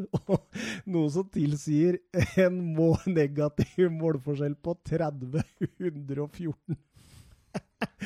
ja, det er, det er brutale, brutale, tall. Eh, men, men, nå nevner du også da kanskje de aller beste hjemmelaga også da i, i Spania. altså det er ikke noe enkel oppgave Sevilla har der, men, eh, men, skal de være med å kjempe om Champions League, så må de ta også poeng innimellom mot de store. Altså. Eh, Sigbjørn Flatnes Bø, han sier Lahos er lik klovn? Spørsmålstegn. Ja, altså han surrer jo litt der. Altså Det som er fint med Lahos, da, jeg ser jo det at uh, Laos, han, uh, han er veldig han, altså, han er jo, han er jo han, Altså det er likt for begge lag, da. Han er jo like streng eller klønete, om du vil, begge veier. Eh, det røde kortet der til Todde Baa syns jeg er, er strengt. Eh, han er jo på høyde med, med motspiller der. Eh, kan selvfølgelig forsvares med at det tar fra oss en målsjanse, men jo, altså hadde det skjedd ute på banen, så er det ikke sikkert han hadde dømt frispark engang. Det røde kortet til Dembélé veit jo ikke hva som blir sagt, men det spekuleres Eller så jo dommerrapporten at det sto at han hadde sagt at han var en dårlig dommer, og dette hadde han ikke peiling på samtidig mm. som han hadde gestikulert med armene. Og det, ifølge Laos, uh, var, uh, var, et direkte rødt kort. da. Ja. Så om han er en klovn uh, ja. Barcelona fikk vel fem gule kort for protester? Ja, de fikk voldsomt med protester. Todibo var eneste som ikke fikk for protester. og Han fikk direkte rødt for sabotasje. Det var ikke Todibo, vel? Det var vel han Arajo? Ja, det er Rajo var det han nye, stemmer. Ja, ja. Todibo var bytta i da. Ja, det var han som fikk en ung uruguayer. Har stort sett aldri hørt om han. Nei, Han kom til Barcelona i fjor. Spilt for B-laget siste halvannen sesongene. De eh, mener jo at han er et eh, bra stoppertalent som eh, skal komplementere litt på A-laget. Så får vi se. Han så jo OK ut. Det er klart, Komme inn på 4-0, så er det jo lett å, lett å være god, men litt uheldig. Mark Muniesa, den tidligere Stoke-spilleren, fikk jo også rødt kort i debuten sin på, på kamp nå. Ja, du så, så hvordan det gikk med han. Så vi får se åssen det går med Arajo. Eh, Toddy Baa, klarte han seg bra, eller syns du? Ja, altså igjen, uh, han ble ikke satt på de helt store prøvene. Jeg syns han er litt urutinert, men det, men det, er jo bare å forvente. Kom greit fra det. Sander 2CV lurer nå på om Real Madrid og Barcelona er friskmeldte? Barcelona nei, Real Madrid tja. Enkelt og greit. Ja. Videre, eh, Bundes ligaen skal vi til da. Og vi skal til Bayer Leverkusen mot eh, RB Leipzig. Eh, det ble 1-1. Kevin Folland 1-0 etter 66 minutter, og Kristoffer Nkunko 1-1 etter 78.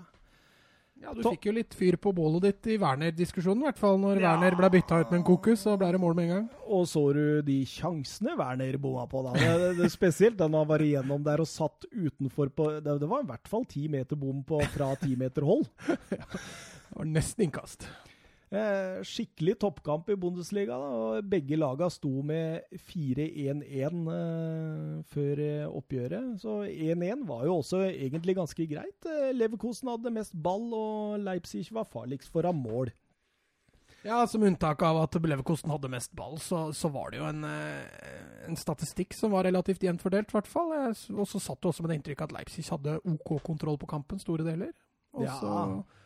Kan, Peter Gulasji, ja. Han, begge keepere, egentlig. Var, det, hadde jeg måttet kåre to banens beste i den kampen, så hadde det vært de to keepera. Ja, de var dyktige. Ja, Radeski. Både var jo fantastisk. Jeg fikk ikke sjekka XG, expected goals, før sendinga, men jeg hadde veldig lyst til å sjekke den etter jeg hadde sett kampen, for jeg er ganske temmelig sikker på at det er ganske mye høyere enn 1-1. Det kunne vært uh, fort 3-3, tror jeg. Kevin Folland da, skårer sitt fjerde mål i Bundesliga denne sesongen. Og i kalenderåret 2019 er det kun Lewandowski som står med flere mål. Ja, han er litt undervurdert, denne Folland. Du har jo allerede sagt at han er under overvurdert. Ja, men jeg, jeg bomma litt, skjønner du, en periode der. Fordi, jo, men det var ikke han jeg egentlig mente. Å nei, Hva var det du egentlig mente?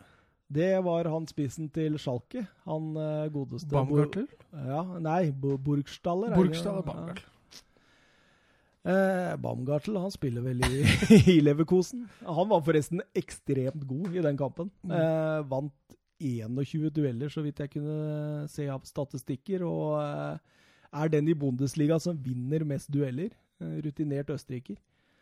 Men veldig viktig for balansespillet til Peter Bosch, la jeg merke til. Altså at uh, når han fungerer bra, og det, det, kan variere innad i kampen Altså mm. når Baumgartel fungerer bra, så gjør eh, Leverkosen det bra, og Kai Havertz blir bedre. Mm. Og hvis han fungerer dårligere, så blir Leverkosen dårligere, og Kai Havertz eh, ikke så mye på ball. Ja, Du ser det også spesielt i kamper hvor du møter litt bedre lag, hvordan de varierer innad i de kampene med mm. Baumgartner. Eh, for, eh, for, du så mot Leipzig, når han fungerer, så fungerer Leverkosen bra offensivt også. Når han ikke fungerer, så, så sliter de litt med ja, Men det var jo kunstmål av Nkunku, da. ja, jeg sa jo det. Jeg ble jo fyr på ditt eh, Timo Werner-bål. Det var jo helt fantastisk. Uh, videre over til Bayern München mot uh, Hoffenheim. 1-2. I alle dager. Hva er det som skjer? I alle dager.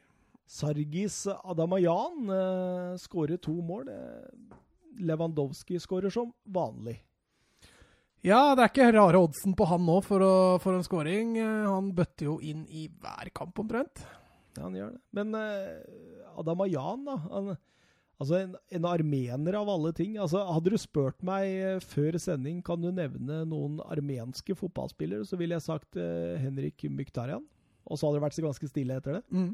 Men uh, Nå kan du nevne to. Ja, vi skal følge med han. Adam Jan han kom fra Jan Regensburg i sommer og skårte en god del mål der. og har ganske ålreite skussmål, skjønner du. Og så er det en jækla fin jinx i tillegg. Vi snakka Hoffenheim litt ned i forrige episode, hvordan vi hadde bomma litt på tabeltipset med de og sånne ting. Ja. Og neste runde så går de og slår Bayern på allianse.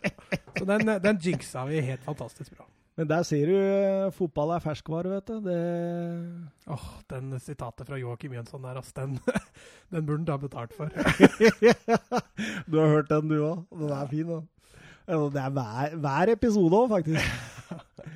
Jeg syns det var bra når de spilte sånn jokkebingo. Hørte du den? Nei.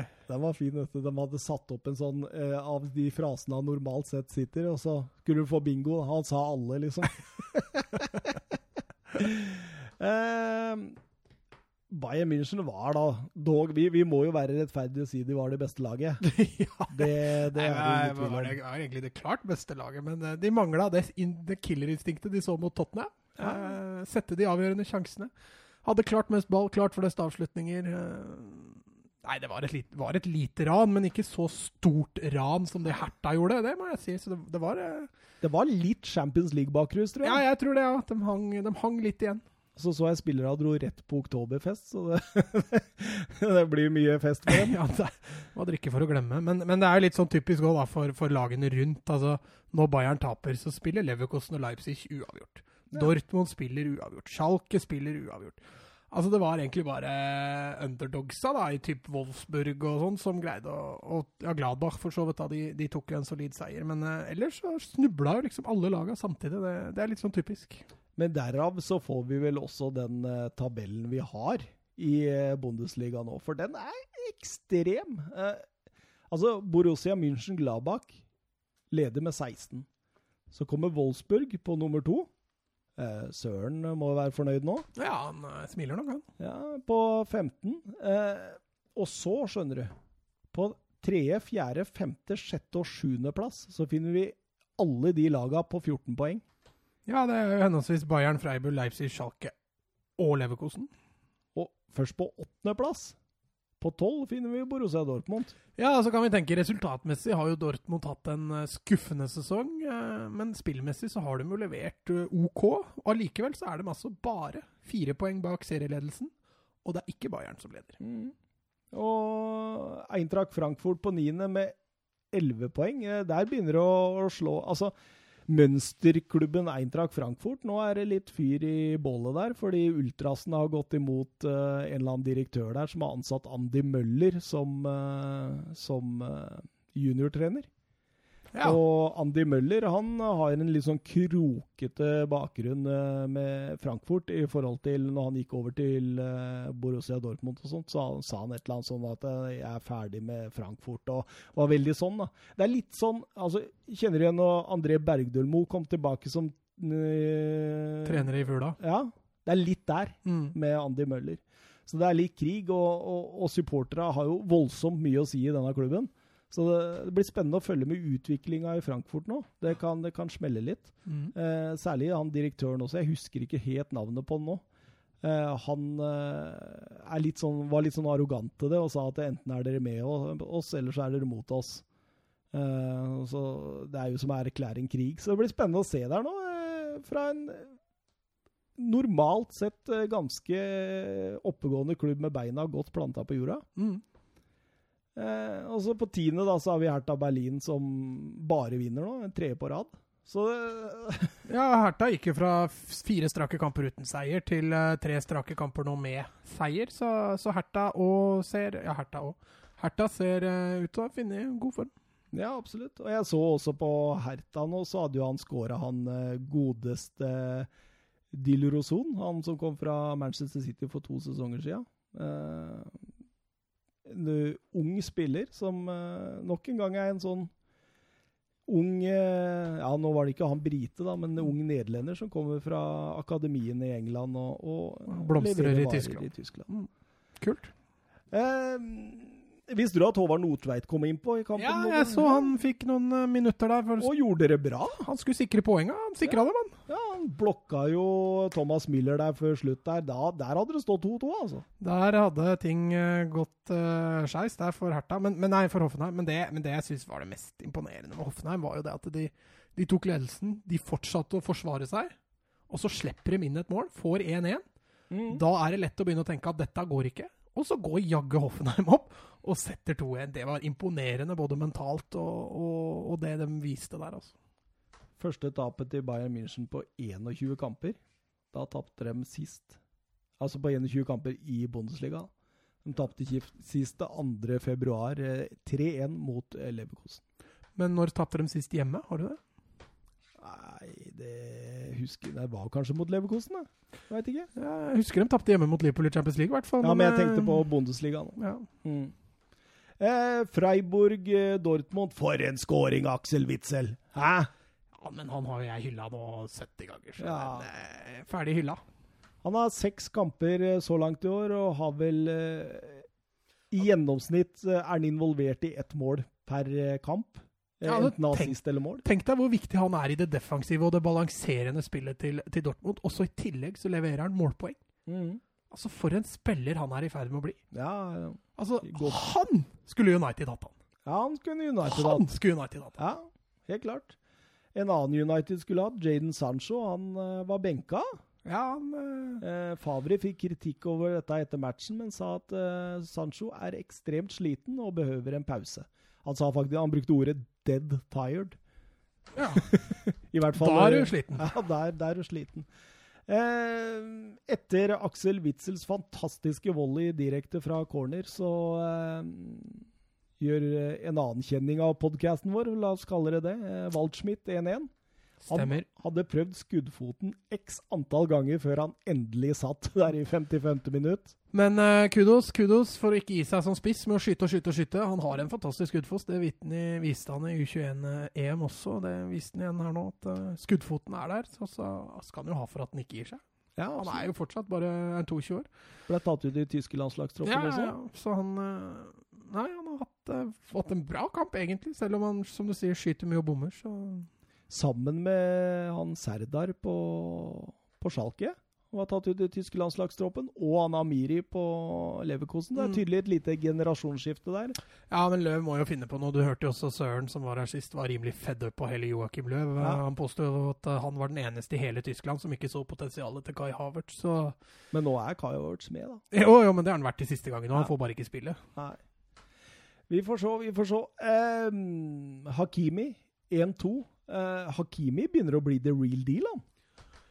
Ja, jeg leste nå at Dortmund hadde begynt å legge en plan på hvordan de skulle få kjøpt den fri fra Real Madrid. Så det er tydelig at Dortmund også ser det, at uh, dette er en spiller vi må, må beholde. Så det blir spennende å se hva, hva, som skjer der til sommeren, for det lånet hans går jo ut nå til sommeren. Men som vanlig med Borussia Dortmund når de taper poeng, så er det personlig feil. Og Manuel Akinji han, uh, han, hadde en dårlig kamp, altså. Han surra voldsomt. Uh, spesielt med skåringen, da, hvor han, han har sjanse til å klarere det første innlegget der. Klarer ikke å klarere det. Går til Får Manuel Nei, jeg husker ikke helt for å være helt ærlig, hvem som får ballen ut på sida der. han klinker den inn igjen via Akinio i mål. Ja, den er blytung. Dortmund må vinne sånne kamper, skal de være med, altså.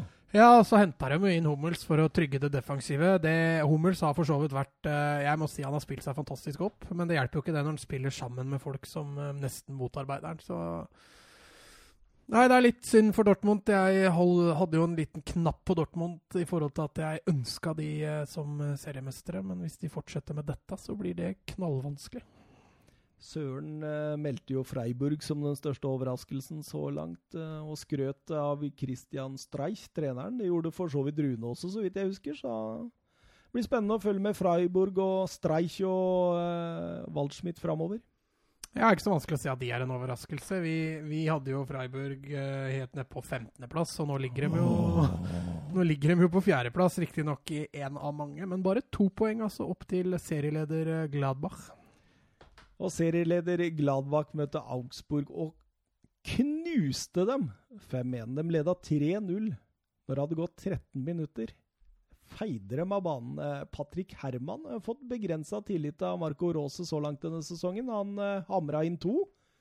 Ja, Mbolo fikk hvile fra start, så det er et styrketegn, dette Gladbach-laget, at de kan hvile viktige spillere. Og ja, Mbolo, Elvedi ble jo hvilt, og Florian Noyas. Mm, så de, de, har tydeligvis bredde også. Nå er ikke Augsburg noe målestokk skal være for et topplag, men et styrketegn når alle de sitter på, på benken og de fortsatt feier over Bundesliga-laget. Mm.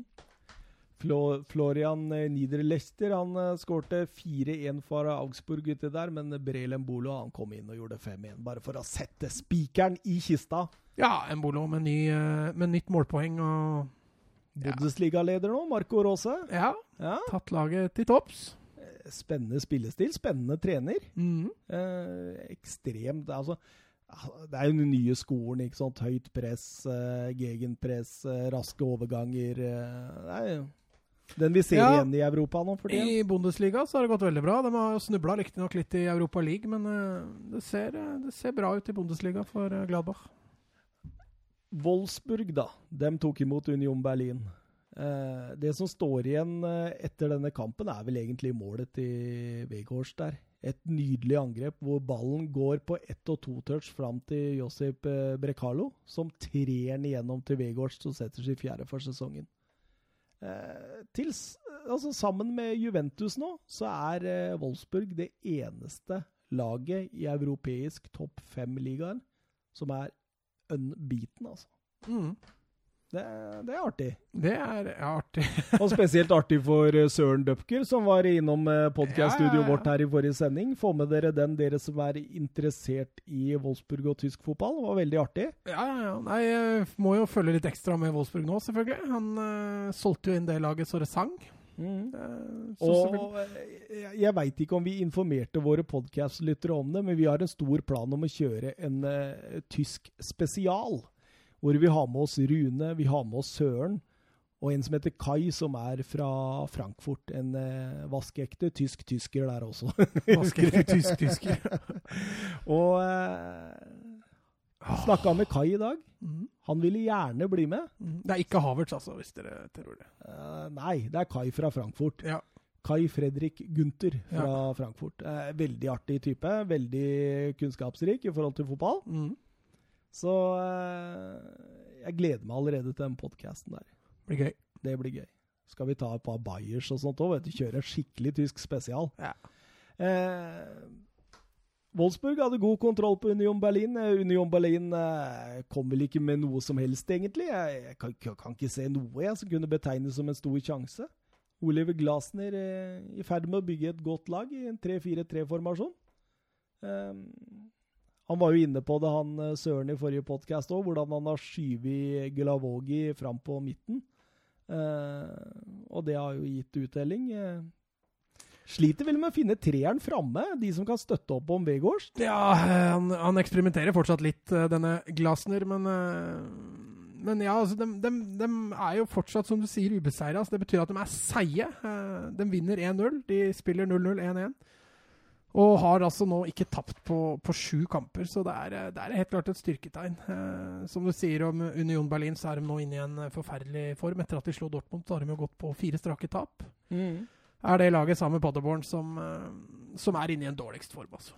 Ser mest nedrykk ut. Ja, det gjør det. Hvis ikke Paderborn rykker ned, da skal jeg sykle til Nei, nå skal jeg Sykle hjem igjen fra sånne så, da. Ja, ikke sant. Eh, Serie A, vi må ta litt av det òg som vanlig. Genoa mot eh, AC Milan. For en gale Mathias av en fotballkamp! Ja, men det var gøy. For en Altså, når jeg så Altså, jeg, jeg går jo går, altså For en nøytral tilskuer, da. Jeg går jo alltid inn på kamper. Jeg får jo med meg live-resultat, men jeg får jo ikke sett alle kampene live. Så jeg må jo se en del i reprise. Det der var en av kampene jeg tenkte at jøss, yes, denne skal bli gøy å se i reprise. For det var ikke så mange av det den runden her. Nei, det Altså Jeg må bare le. Altså, vi, vi, hadde vel to straffespark, et brent straffespark på overtid og fire røde kort. Hvorav den ene i, satt på benken og fikk rødt kort. og det var mye rart der, altså. Ja, det var, det var kokos. Uh, Gian Paolo fikk en seier. Men nå går det rykter om i dag om at han allerede er erstatta? Det er helt korrekt. Jeg skulle til å si at det ser ut som det er forgjeves. Eh, men det var en, det var en positiv match av, eh, av, Milan, det her. Selv om det endte med to røde kort til, til Milan. Eh, straffesparket Genoa fikk der. Hæ?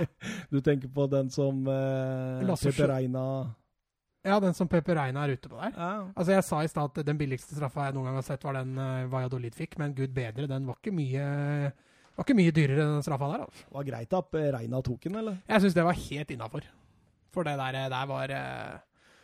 Nei, det var At ikke VAR går inn der! Ja, det er jeg helt utrolig. fatter det ikke. Det er helt utrolig. Jeg tenker det samme sjøl. Men altså men, men, men, over til selve fotballen, da, det som er gøyest i det hele, sånn egentlig. Eh, ser du det at hvor mye bedre AC Milan blir med en gang Kristoffer Upjontek eh, går av banen og Rafael Leao kommer inn? Ja, men Leao har den X-faktoren. Han, han, er litt deilig å se på, Leao. Jeg, jeg... Ja, men Han er mye bedre link-up-spill òg. Det trenger ja. du med så defensiv midtbane. liksom, At du, du, du, klarer å kunne holde litt på ball. da. Mm. Og så få denne uh, trioen på midtbanen som egentlig altså, strengt talt. Er, det er, nesten Manchester United-midtbane. Altså, hvis, hvis, du da tar bort Suso, altså kaller, han en uh, spiss, og du kaller han uh, Shalanulu uh, for en kantspiss, og så setter du bare de der tre, Biaglia og Kessie og hvem nå den siste er. Det er, det er like lite kreativitet som hos McDominay og Fred, altså. Ja, det er litt Jeg er helt enig. Det er litt det er litt tynn suppe der. Eh, men, men, jeg er helt enig. Rafael Lao ser eh, Han er spennende. Veldig spennende. Ja, han er bra. Absolutt. Eh, ja Gian Paolo eh, Det er vel siste kamp vi så han som leder fase Milan, tror jeg. Det går sterke rykter om Stefano Pioli, eh, tidligere Inter og Fiorentina. Ja, og jeg leste noe om det også, at uh, han har en litt annen filosofi enn Gian Paolo igjen. Mm. så snakk om å stake ut forskjellige kurser midt i en sesong. Ja, det kan Og nå har vel Milan hatt jeg tror det var sju eller åtte trenere på de siste fem åra. Mm. Og alle sju med, med relativt forskjellig filosofi. Mm. Da er det ikke så rart. Og alle får lov å hente massevis av spillere. Så det er, det er, dette er jo en sammensurium av eh, en haug av trenere og en haug av filosofier. Mm. Ja, ja, det er en Hvis du tenker, de, de, har jo investert ganske massivt i sommer. Eh, men det er vel egentlig bare Theo Hernandez som har heva det laget sånn voldsomt sånn fra start av? Ja, ser jo riktignok, som vi snakka om, Rafa Leao ut som noe potensielt bra. jo, men han har ikke fått spille bra. så mye. Jo. Nei da, Pjontek virker jo også dau etter fjorårssesongen, så Nei, jeg syns, jeg syns som sagt Genoa-kampen var et lite steg i riktig retning for Milan, i hvert fall. Eh, noen som derimot imponerer, er Atalanta De møtte Lecce, ikke det vanskeligste å, eh, å, få på hjemmebanen sin, det, men eh, en veldig overbevisende 3-1-seier. Og nok en gang så legger de grunnlaget i første omgang. Ja, de fikk de endelig lov til å flytte hjem på Bergom igjen etter å ha spilt noen eh, kamp, hjemmekamper på bortebane. Så det var sprudlende Atalanta-lag som var meget solide i første omgang. Det er trioen Ilicic, Zapata, Gomez, altså. Ja, har jo, vi har jo vært innom alle de tre før, og det er, det er gull. Det de har. hadde de vært fem, seks, sju år yngre, da hadde de ikke vært i Atalanta. Det skal jeg bare fortelle deg. Han, han Gomez, en 31 år gammel eh, argentiner mm. Altså, det er en nytelse å se på. Altså. Ja. Han, har du sett hvordan han tar, tar seg forbi spillere én mot én? Ja, han glir. Ja, han glir. glir. Det er litt sånn Iniesta, Iniesta. Ja, Messi-aktig òg. Når liksom Messi bare ta på kroppsfinten og Å, det er vakkert. Uh, syns uh, Atalanta ser veldig bra ut. Befester posisjonen som nummer tre bak Inter og Juventus. Men hva er problemet til Atalanta i Champions League? Nei, de, de må altså, prøve å feile. Det er, det er, jo en sånn greie ikke sant, i Champions League. at eh, Du ser jo City òg. De har aldri kommet helt inn i det ennå. Du, du, må få erfaringa. Jo, jo, det er for så vidt greit, det, men nå har de jo ikke møtt all verdens av motstand. De røyk så det sang i første kamp, og de røyk så vidt det var nå. Hvem var det de røyk mot? De tapte 2-1, var det Zenit? De røyk ja. tapte på overtid der, på ja, riktignok på hjemmebane, på bortebane, men uh, Men tenk all den Champions League-erfaringa Zenit har i forhold til Atalanta. Jo for all del, men Atalanta har jo vist denne sesongen at de er et meget bra lag. Mm. Et skadeplaget Roma tok imot uh, Cagliari. Uh, kun 1-1. Litt skuffende for Roma-fansen, uh, men det kunne gått så mye verre da de fikk et straffespark der. en hens fra Manzini. ser ut som Manzini tror at den tar Smalling, og så slipper Smalling den forbi og går rett i hånda. Straffe. Joao Pedro setter mallen sitt tredje for sesongen. Eh, Cagliari eh, det, det, var, det, var, det første målet de hadde på Stadio Olympico siden 2013. Så det var på tide? Det var eh, rett og slett på tide. fem minutter etterpå så setter jo Cepelitelli inn 1-1, et selvmål. det ja, var litt, var litt klønete, men bak der sto jo Tsjekko, også. Ja, det hadde blitt mål uansett. Men det det snakker mest om, da, det er jo VAR-avgjørelsen i det 89. minuttet når Nikola Kalinic eh, setter ballen i mål. Eh, dommer ser ut til å blåse mål, og så kommer VAR inn. Sier eh, denne, denne, må vi se nærmere på. Og så ser man at eh, Kalinic han eh, dytter vel eh, Piaskane litt i ryggen der. Eh, ja, den er vel kanskje grei. Jeg, jeg, jeg er litt usikker. Jeg, jeg ble ikke helt venn med meg sjøl i den diskusjonen. Uh, Nei, altså jeg har også landa på at den er grei. Uh, men, men, det er ingen som hadde sagt noe på heller om det hadde fått lov til å gå videre heller. Jeg tror den kunne Altså der er litt sånn 50-50 for dommeren. Han, ja. vinner, han, vinner, uansett. Ja, absolutt. Uh, Roma-fansen i harnisk uh, kan man jo egentlig forstå. Roma sliter jo med enormt med skader, som sagt, og de, de, de, de er liksom butta litt, ikke spillemessig. og Altså, du, du, ser jo noe Pellegrini er ute, og Miktarian, som faktisk har hatt en positiv innvirkning til laget, er ute der. og... Ja, ja Saniolo hadde jo også en av sine ikke svakere kamper, men han, han var ikke noe sånn toneangivende. Kloifert venter dem fortsatt litt på, selv om han, han har et fantastisk driv. Tsjeko skårer ikke mål, og da blir det sånn, da. Da blir det sånn. 1-1 og i Torino så fikk eh, Torino eh, besøk av Napoli. Eh, der sier vi ikke mye, fordi Altså, jeg, jeg, skal innrømme at den kampen har jeg ikke sett, men jeg har sett 15 minutters høydepunkt fra Strive. Og det, at de fikk den til å bli 15 minutter, det, det er godt gjort av Strive, altså. Og mye bilder av publikum og sånn? Ja, nei, det, det var 0-0. Det var kjedelig. Det var uh, dønn kjedelig, og uh, Napoli skuffa ekstremt offensivt. Skapte utrolig lite, noe Angelotti også i ettertid uh, sa at han var skuffa over.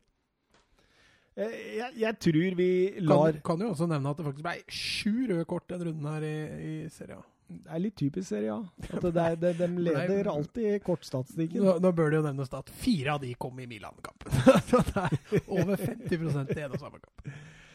Jeg tror vi rett og slett eh, ikke gidder å si noe mer om den 0-0-kampen og hopper rett til vår hovedkamp. eh, Serie A's største oppgjør, kan vi kalle det det? Ja. Det er vel ikke nær eh, Roma Lazio og sånt, det er vel egentlig ikke i nærheten i, i forhold til dette? Nei, Derby i Italia er, eh, det er stort, det. Um, I hvert fall denne sesongen hvor Inter seiler opp som en seriøs utfordrer. Så, så både sportslig og utafor banen så er dette et eh, stort oppgjør. Conte mot Sarri. Det, det var premissene.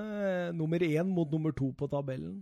Inter hadde to poeng forsprang til Juventus før kampen. Begge lagene til gode å tape. Større får man det ikke før et sånt oppgjør.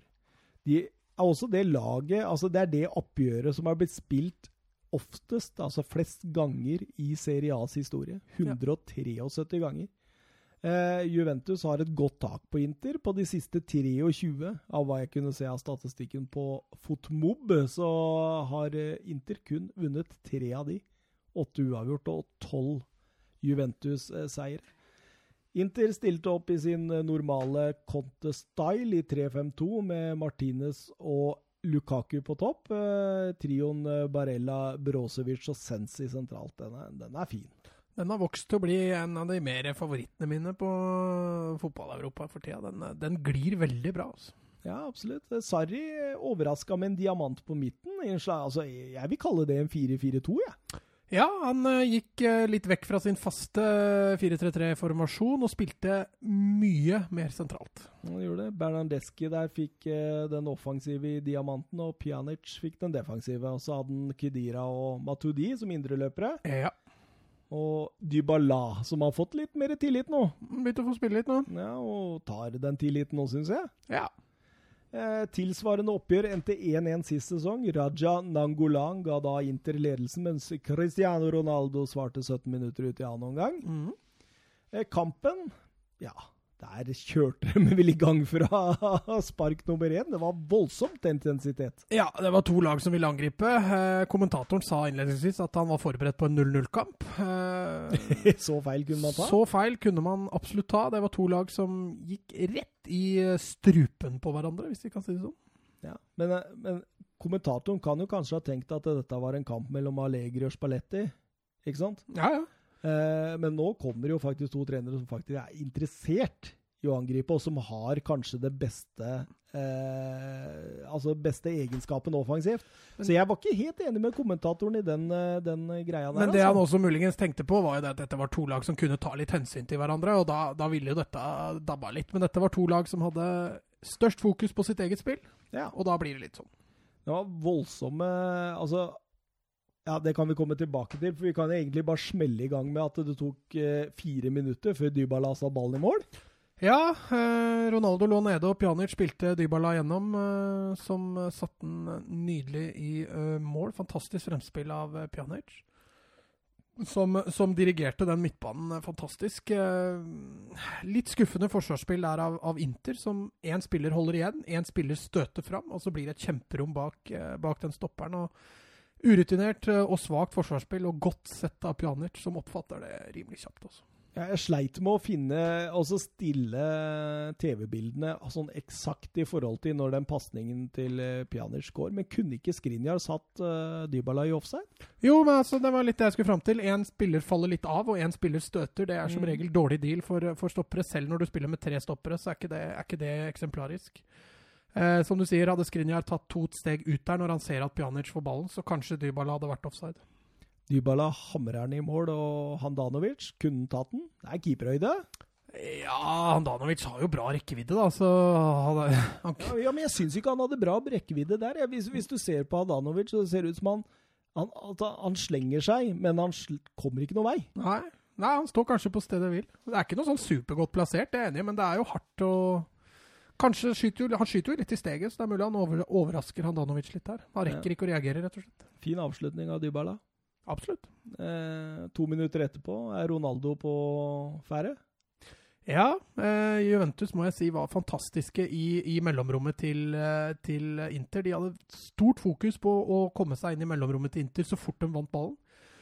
Eh, Ronaldo med en nydelig førsteomgang. Det er sjelden jeg har sett han spille medspillerne sine så gode som han gjorde i den første gangen. I tillegg, ja, så I tillegg så får han jo igjen ballen ofte. da, og Han blir satt opp da rett utafor 16-meteren, som er en av favorittposisjonene til Ronaldo, hvor han bare kan klinke til.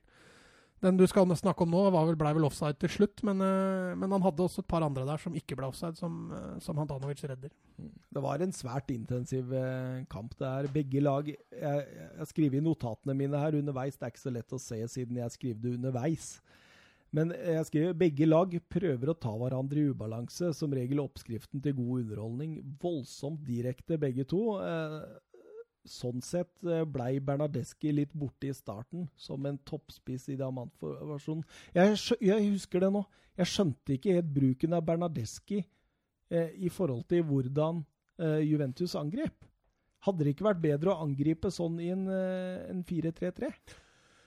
Ja, altså, Juventus angreip jo veldig smalt. Eh, du så jo de Ja, men de, de ville bruke rommet bak. Så, så Ja, men det var, det var jo også mye av oppgaven. Altså, Ronaldo trakk ofte litt venstre, Dybala trakk ofte litt høyre. Det gjorde at de la sjelden igjen på midtbanen sin. altså De la Mm. altså for feil, eller for rettvendt midtbanespiller, som da skulle være Bernadeschi. Han fikk jo nesten ikke ballen i første omgang. Det var jo fordi fokuset var opp på spiss, ut på kant, inn i midten. Mm. Og Bernadeschi han, han fant ikke posisjonen eller rollene sine i, Ja, han gjorde ikke det. i, i den kampen. Eh, Men, men når Juventus var tidvis så imponerende som det var, så er det jo vanskelig å kritisere Sarri for eh, bruken av Ja, jo, jo, jo, for all del. For all del. Han uh, hadde vel en plan med det. Eh, men eh, etter 16 minutter, straffespark til Inter. Barella svinger inn et innlegg, eh, og Martinez og Delict går i duell. Eh, Delict eh, henser. Den er dårlig, Delict. Hva skal du ut med handa di der å gjøre? Soleklar straffespark. Ja, altså han, Kommentatoren mente at han var oppe med hånda der for å beskytte seg. Nei, nei, nei, Jeg ser ikke helt den, jeg heller. Men Han var full, han kommentatoren der. han, han fikk i hvert fall ballen i, i hånda der, og det er, det er rett og slett klønete og urutinert. Altså. Det er det. Eh, Lautaro Martinez setter ballen helt nede i venstre hjørne. Nydelig straffespark, sånn Ja. man skal ta det. Absolutt. Hardt og kontant. 1-1, og eh, lagene hadde utlignet hverandre igjen, men eh, de utligna, eh, holdt jeg på å si, de kjørte virkelig på videre. Det var, eh, det var om å gjøre å ta hverandre i ubalanse. Absolutt. Eh, 28 minutter. Brozovic eh, finner Lukaku dypt på egen bane. Han vender av to spillere. Så du likt fløy der, eller? Ja, ja.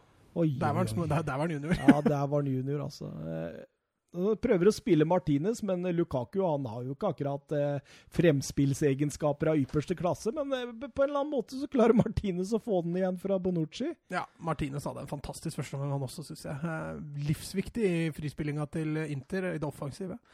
Eh, så fort han får rettvendt seg så, og setter fart på, og én mot én, så ser det farlig ut hver gang. Han ser ut som en litt sånn Louis Suárez i, i glansdagen. Altså. Ja. Så nei, han syns jeg I hvert fall første gangen. At Conte har gjort noe lurt med å slippe Icardi og, og kjøre Martinez, eh, det er jeg helt sikker på. Ja, det tror jeg òg. Han får, kommer til å få mye betalt for det framover òg. Eh, men etter 34 minutter så er det et skikkelig blow. Sensi må av banen. Ja, og utover i kampen så skulle det vise seg å bli eh, veldig avgjørende etter at Sensi går av. Så Ja. taper Inter masse ansikt, altså. Ja, for, fordi Vecino er en god fotballspiller, men han har ikke den radiusen som Sensi. Jeg hørte også kommentatoren, eh, nå refererer vi mye til kommentatoren, han snakka om at Sensi, nei, Vecino hadde en fantastisk kamp etter han kom inn. Men han har ikke den arbeidsradiusen som det Sensi har. Han dekker, klarer ikke å dekke så mye rom defensivt, så det, det åpna litt opp. Men du ser også, han, har ikke, han er ikke den ballspilleren Sensi er heller. Eh, altså, du ser når Inter går framover med og uten Sensi, var to helt forskjellige lag. Ja. Første halvtimen så hadde ikke Inter, som innimellom i hvert fall, ikke store problemer med å spille ut Juventus. Idet Sensi går av, så er det høye presset til Juventus plutselig veldig mye bedre. Ja. Og det, det tror jeg og mener jeg er rett og slett fordi det mangler en Sensi på, på midtbanen til å bidra. Ja, helt riktig. Helt riktig. Jeg Og, er helt og, enig. og omstillingsfasen også til Inter faller jo. De kjører Når de mister ball, så, så bruker de lengre tid på å komme ned i forsvar. Når de vinner ball, så mister de ballen igjen nesten med en gang. De rekker Mm. ikke å omstille så offensivt engang. Helt riktig. Eh, 41 minutter, eh, Ronaldo-sjanse. Matuidi kommer rundt på venstre der. Eh, nydelig av Dybala, som legger den tilbake til Ronaldo, som får klinke til fra 16 meter, rett på Andanovic. Ja, det var en av dem jeg prata om, men der var Ronaldo først ute og kombinerte med, med Matuidi. Eh, når Matuidi er spilt gjennom på venstrekanten, så ser du Ronaldo spurter inn for å komme inn i boksen. Innlegget går riktignok litt før, men han ender jo opp med å få ballen på 16 og bør jo egentlig skåre der. Og to minutter etterpå så får godeste Ronaldo inn, annullert. Og den Altså, den kunne nesten fått lov å stått. Pjanic der, som spiller til Ronaldo, kombinerer nydelig med Dybala eh, gjennom en hælflikk. Får den tilbake og smeller den i kassa. VAR kommer jo inn da og sier at Dybala, du var marginalt offside, noe som stemmer. Mm. Men det var en fin dag. Ja, så Her er vi tilbake til det jeg mente med at Ronaldo var eh, god på kombinasjonsspillet nå. Jeg har ikke sett han så bevisst på, på kombinasjonsspill. Eh, det er en hælflikken til Dybala. Stikker igjen med en gang, får igjen kula. Eh, tre går seg for gjennom der og kommer aleine med keeper. Og... Nei, det var, det var litt synd at den ikke ble stående. Så gikk vi til pause. Heseblesende. To lag som uh, ville ta hverandre i ubalanse. To lag som ikke tok noe særlig hensyn til hverandre og ville kjøre sitt eget spill. To lag som rett og slett ville eie kampen. En ekstremt artig førsteomgang. Jeg er veldig glad for han var artig, for jeg var ekstremt trøtt når jeg så han.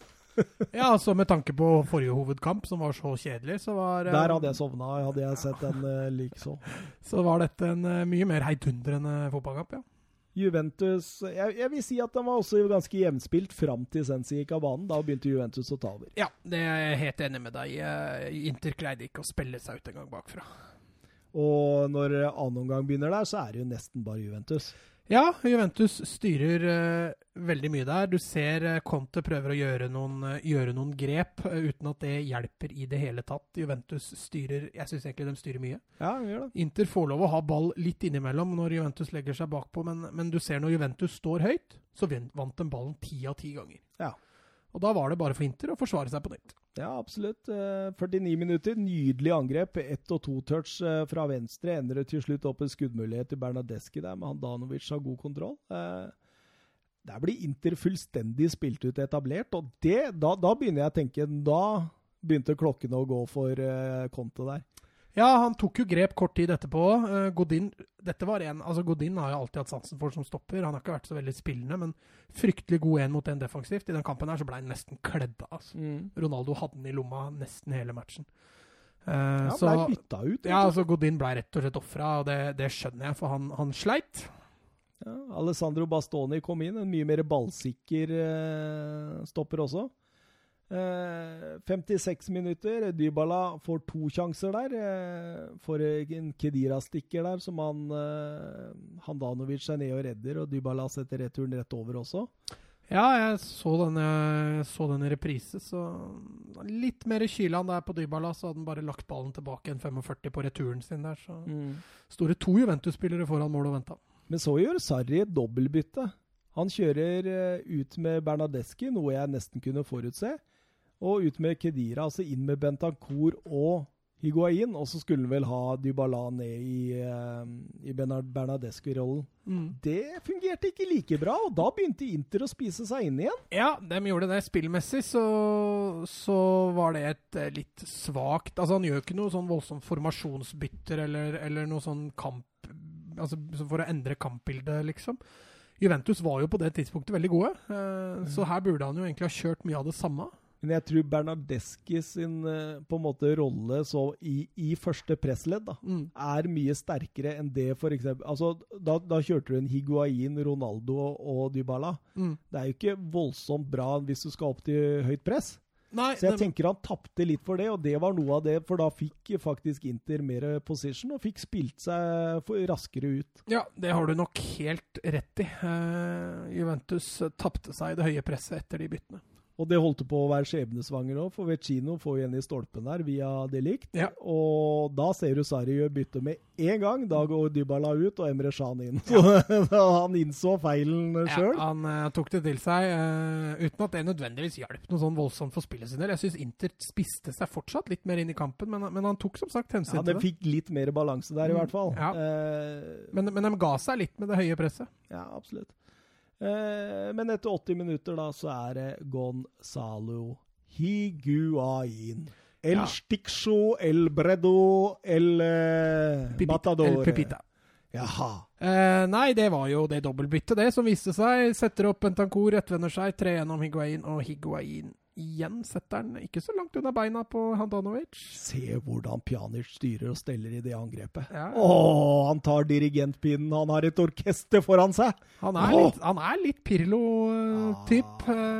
Han gjør Jorginho-rollen enda bedre enn Jorginho. Ja, han er.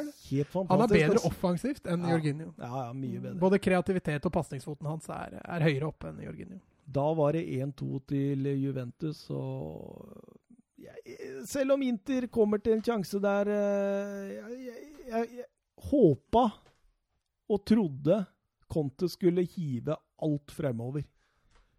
Men eh, det du ser her i den kampen her også, er jo det at Juventus har flere strenger å spille på Ja. enn Inter. Mm. Eh, jeg syns Inter, når plan A ikke fungerer, så sliter de mer, og de er nesten avhengig da at Juventus, som de gjorde i den kampen her, gjorde noe feil taktiske grep for at de skulle klare å komme inn i matchen igjen. Eh, og, og dette her var eh, Selv om Inter gjør en eh, OK kamp, og det mangla Sensi, som sikkert kanskje hadde gjort at denne kampen kunne vært enda jevnere utover, så, så var dette et lite strek i regninga for eh, Conte, og så var det et stort pluss i boka til Sarri. Men tre minutter før slutt der At det to pasninger kan sette hele Juventus ut av spill, det er fantastisk. Det er fantastisk. Brozovic, som jeg syns Han vokser på meg. Eh, genial ball gjennom er, Gjennom første pressleddet der. Gjennom eh, både Han er forbi de front-toeren, men eh, gjennom hele midtbanen. Til eh, Di Ambrosio, som igjen med en lekker pasning eh, på blindsida eh, sender Vecino gjennom. Der er Stensny ute som en røyskatt, for å bruke et gammelt Altså, der kunne det vært 2-2, altså. Og det var, det var to pasninger Mm. gjennom etablert Juventus. Ja, Mangla litt eh, presisjon på siste ball der, pluss en offensiv Stensny som, som hindrer det. Skal vi eh, hylle Juventus for en eh, godt gjennomført kamp? Ja, jeg syns Juventus overraska egentlig litt positivt. Ja, jeg, jeg hadde nesten forventa at Inter skulle ta den. Jeg. Jeg også tenkte det. Altså, jeg så Inter mot Barcelona i midtuka. Første gangen til Inter der, den, den Altså, jeg blei nesten litt paff hvor gode Inter var, spesielt i frispillinga si. Altså, De hadde Mm. enorme avstander mellom seg sjøl i frispillinga. Ja. Men de fant hverandre på fot hver gang. Det var ordentlig imponerende å se på. Det kunne være så direkte. I den kampen her, jeg velger å tro at Sensi har en del å si for dette Ja, Inter-laget. det tror jeg òg. Sånn at uh, skaden hans blei en kjempeblow for dem. Uh, men, men igjen, fjær i hatten til Juventus. Jeg syns uh, den kampen her, og det registeret de spiller på underveis i kampen, tyder på at jeg får rett i at Juventus blir seriemestere. Ja, du var mer på Inter nå sist, var du ikke det? Jo, jeg, jeg Ah. hyller litt, men Jeg, jeg, etter denne kampen, så jeg, står for mitt. Jeg sier det at Inter vinner Scudettoen, og Juventus er en av topp tre-kandidatene mine til å vinne Champions League. Ok. Skal vi ta fancy-poenga våre, holdt jeg på å si? Ja. Det er så dumt å kalle det fancy-poeng, men eh, topp tre. topp tre. Topp tre. Eh, Skal jeg begynne, eller du, eller? Ja, du kan begynne. Ja, det kan jeg godt gjøre. Jeg har eh, tre poeng til Pjanic. Han eier midtbanen til Juventus. I de gode periodene så, så står han bak så eventyrlig mye. Han er nest sist på første scoring, tredje sist på, på andreskåring. Og han har riktignok noen få stygge balltap, men ellers så, så styrer, han, eh, styrer han nesten hele butikken til, eh, til Juventus der. Han burde spille i kjole og hvitt og ha med seg en dirigentstokk. Ja, han, han var helt nydelig. Ja, Han, han var kelner. ja han var helt fantastisk. The thin waiter. Hæ? Eh, to stjerner får eh, faktisk eh, godeste Ronaldo. Eh, Førsteomgangen hans var, den var Det var fryd. Jeg har aldri sett han så hva skal vi si, involvert i spill. Vanligvis er han jo god i boks og, og tar noe langskudd innimellom, men nå, nå syns jeg han er med og bygger opp spillet. Han er tilrettelegger, og han er avslutter. Meget imponerende. Eh, siste stjerna for, for uh, eh, Martinez. Eh, Førsteomgangen hans var, eh, var genial. Han eh, faller riktignok ut i andre omgang, men eh, det gjør også mye av int- interlaget generelt. Da bør ikke jeg ta mine stjerner, for å si det sånn. Du har samme? Helt eksakt det samme. For andre gang på rad nå, Mats. Ja, deilig. Ja. Jeg skulle tro vi prata sammen om det, men akkurat den der, der eh, lar vi være å prate om. Ja, nei, vi prata ikke Altså, eneste Du sendte meg en melding, da, men da hadde jo ikke jeg sett kampen ennå. Hvor Jeg du skrev skrev at at eh, Pjanic. Pjanic Men da hadde du sett 22 minutter Ja. eller sånn av kampen, så Ja, jeg skrev bare at eh, 22 minutter ute i kampen, og Pjanic er en uh, ja. Men Ja. eh, bortsett fra det, så har vi ikke prata noe om kampen, nei. eh, Ukas talent. Lista begynner å vokse nå. Mm. Skal vi sende den til en eller annen storklubb en gang, eller se om den bare Tror du ikke storklubbene har kontroll? Nei, ikke alle. Noen sånn, men ikke alle. Kanskje definere storklubb først også? Eh, skal jeg begynne med min, kanskje? Ja, det kan du godt. Syns jeg alltid begynner med din. Kan noen- gjør som regel. Ja. Eh, mitt talent eh, er eh, jeg, skal, jeg skal gjøre det litt sånn dramatisk. Mitt talent er født 15. juli 2002. Det betyr at han er 17 år. Han eh, er født i Frankrike, men eh, foreldrene og hans opphav er fra Algerie. Han er midtbanespiller på Paris Saint-Germain, og jeg snakker om Adil Auchiche yngste spiller gjennom tidene som har fått minutter i Ligue Ø. Da var han 17 år og 46 dager når han debuterte fra start for Paris Saint-Germain mot Metz denne sesongen, altså inneværende sesong. Auchiche ble hentet til eh, Paris Saint-Germain-akademiet i 2014. Eh, Var en del skadeplaget eh, når han ankom og det første året.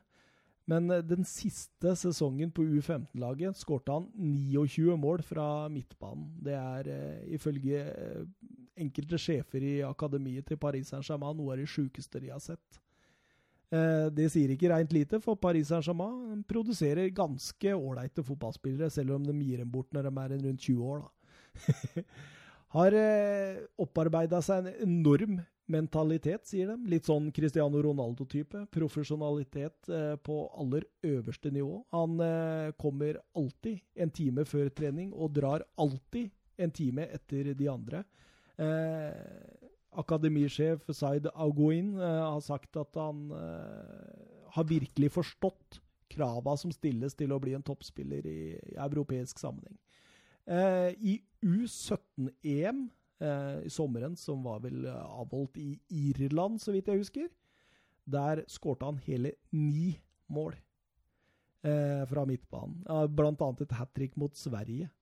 Eh, det er eh, det høyeste antallet noen har skåret i eh, europeisk mesterskap siden Platini i 84, tror jeg.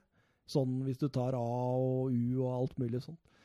Eh, trener eh, daglig med Neymar eh, og gutta, eh, men spiller til vanlig for Tiago Mottas U19-lag. Eh, teknisk briljant, possession-orientert spiller.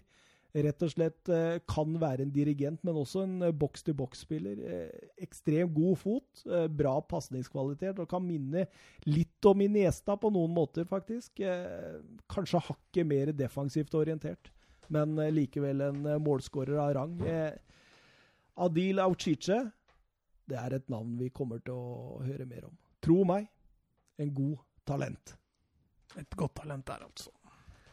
Nå skal vi høre litt om din. Ja da. For å ta det litt dramatisk her òg, da. Spilleren jeg nå skal snakke om, han har faktisk mulighet til å spille for tre forskjellige landslag. Oi, oi, oi. Han er Han har foreldre fra Elfenbenskysten, så han er jo spilleberettiget. Han har allerede U-landskamper for både Skottland og England. Nå er han, eh, etter hva jeg klarte å lese meg opp til, tatt ut i U17-landslagstroppen til England. Så da tyder det på at han er i ferd med å velge det engelske landslaget. Han er født 22.2.2003, og han er allerede sammenligna med Lionel Messi. Vi snakker om Karamoko Dembélé fra Celtic der, altså. En ny Dembélé. Enda en Dembélé. Eh, han er venstrebeint, som du da sikkert må være for å bli sammenligna med Lionel Messi. Han har eh, utgangsposisjon høyre kantspiller, er meget glad i å trekke seg inn og komme til avslutning eller spille gjennom fra, eh, fra høyre. og, har, og har en enorm hurtighet og gode dribleferdigheter. Han spiller i øyeblikket på Celtic sitt reservelag. Som de fleste sikkert regna seg ut, så er han fortsatt bare 16 år. Eh, og spiller allerede med og mot seniorspillere i, i Skottland. Uh, som jeg sa, tatt ut i Englands U17-tropp nå, som skal møte Tysklands U17-tropp uh, 10.10. Blir Mhm. utrolig spennende å se om han uh, kommer til å få, få minutter der. Han har som sagt to U17-landskamper for Skottland. Nå vil han antageligvis da få sin første for, uh, for England. Har fra før 11 U16-kamper for, for England. Skåret tre mål. Han har fem U16-kamper for Skottland, skåret ett mål. Og så har han én U15-landskamp for England. Så han, han har vangla og vikla veldig de siste Han har årene. ikke noe ukamper for Elfenbenskysten. Han Altså. har foreløpig ingen U-kamper for Elfenbenskysten, men eh, jeg klarte å lese meg til at eh, han er spilleberettiga til å spille for Elfenbenskysten, Ja. hvis han ønsker det. Altså så langt ser det ikke ut til at han gjør det. Nei, han velger nok England, skal vi si. Han eh, velger nok England. Som jeg sa, allerede blitt sammenligna med Messi. Har sett en del videoer av denne spilleren, og det skjønner jeg veldig godt. Han er ikke sånn voldsomt stor spiller, men han er liten, kompakt, tett spiller.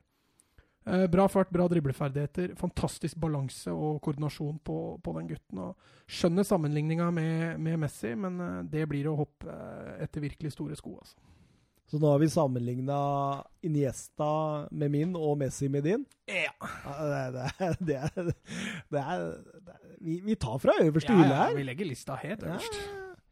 Det er bra, da. Nå har vi, nå har vi mange talenter vi samla opp til nå. Det er passert 20.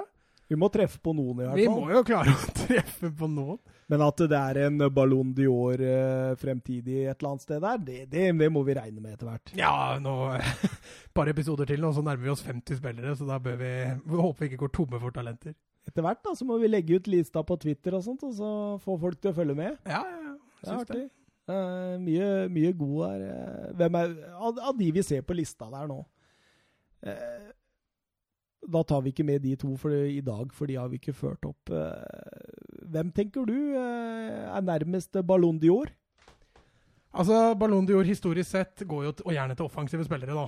Eh, Ja. Så da tror jeg det lønner seg å velge noe, nev- velge noe offensivt. Eh, og av de offensive vi har nevnt nå, da, som er i ferd med å, å slå igjennom eh, ja, Den er tøff, altså. Esposito i Inter er, er nydelig å se på. Nå har ikke han fått så veldig mange sjanser ennå, men eh, jeg skrøt jo fælt av Myron Boadou, eh, og ikke minst Ihataren i, i, i fra PSV, selv om han er defensiv midt. da. Han, han tror jeg så, så, Vi, vi snakka om at han skulle spille mot Rosenborg eh, dagen etter eh, vi hadde den. Mm. Så du den kampen? Ja, ja, ja. Han lekte på Lerkendal. Men, eh, men eh, Sabuslai og Pooch er vel kanskje de to som er eh, Barentsjea. Han får jo ikke spille så mye i Sociedad. Han er jo i A-troppen til Men han er 16 år. Ja, ja, sant. Ja, ja, nei, skal ikke To timer, Mats. Dette er nesten rekord, det. ja. Bare avslutte nå, så, så er vi egentlig sånn relativt fornøyd med tidsbruken, egentlig. ja. Ja, Da kan vi ikke sitte og prate noe mer da. Nei, kan jo nevne neste episode med landslaget. Og Ja, kanskje vi får på plass en gjest med landskamper. det er gøy. Det er gøy. En celeber en. Altså, han har jo sagt ja, Han har sagt ja. så nå er presset på han. Du skulle bare få det bekrefta litt denne uka her. Altså, må- Du veit jo aldri med sånne høytstående typer. Nei, vi må få dobbeltsjekka det. Hvis ikke så blir vi vel her aleine igjen neste episode òg, da. Eller så tar vi med oss en annen gjest. Det veit vi ikke. Kan hende. Det har vært litt moro annenhver gang gjest. Det har Ja. vært litt gøy. Men, men i dag så Altså, jeg, jeg tenkte jo kanskje at vi skulle hatt med en, men så men så er det litt sånn at det, det, dette må jo planlegges litt, tilrettelegges litt. Vi kan ikke Altså, vi bor ikke midt i Oslo by. Vi eh, bor et stykke utafor. Ja. Så, og de fleste vi kjenner eh, med fotballkunnskaper av et eh, relativt godt nivå, de hører til ikke på Slatum terrasse. Nei. Det må planlegges litt. Det må planlegges. Så, og, og det er ikke alltid man gidder det i en travel hverdag. Eh, men eh, jeg syns det er gøyest å sitte her og prate med en gjest. Ja. Så vi, vi må bare kjøre, og jeg, vi, vi håper eh, Vi håper denne gjesten blir eh, snørt inn. Mm, Det hadde vært veldig gøy å snakke fotballandslaget med han. jeg tror det. Hvem er det vi møter igjen? Spania og Romania. Romania. Det er to tøffe kamper, det. Det er to veldig tøffe kamper. Spania på, på Ullevål, den blir spennende, den. Og Romania på bortebane. Det, Åh, det er tungt, dette. Det er tungt. det blir Det er, det er han Pushkas. Han er bra. Hagi. Ja, og Hagi.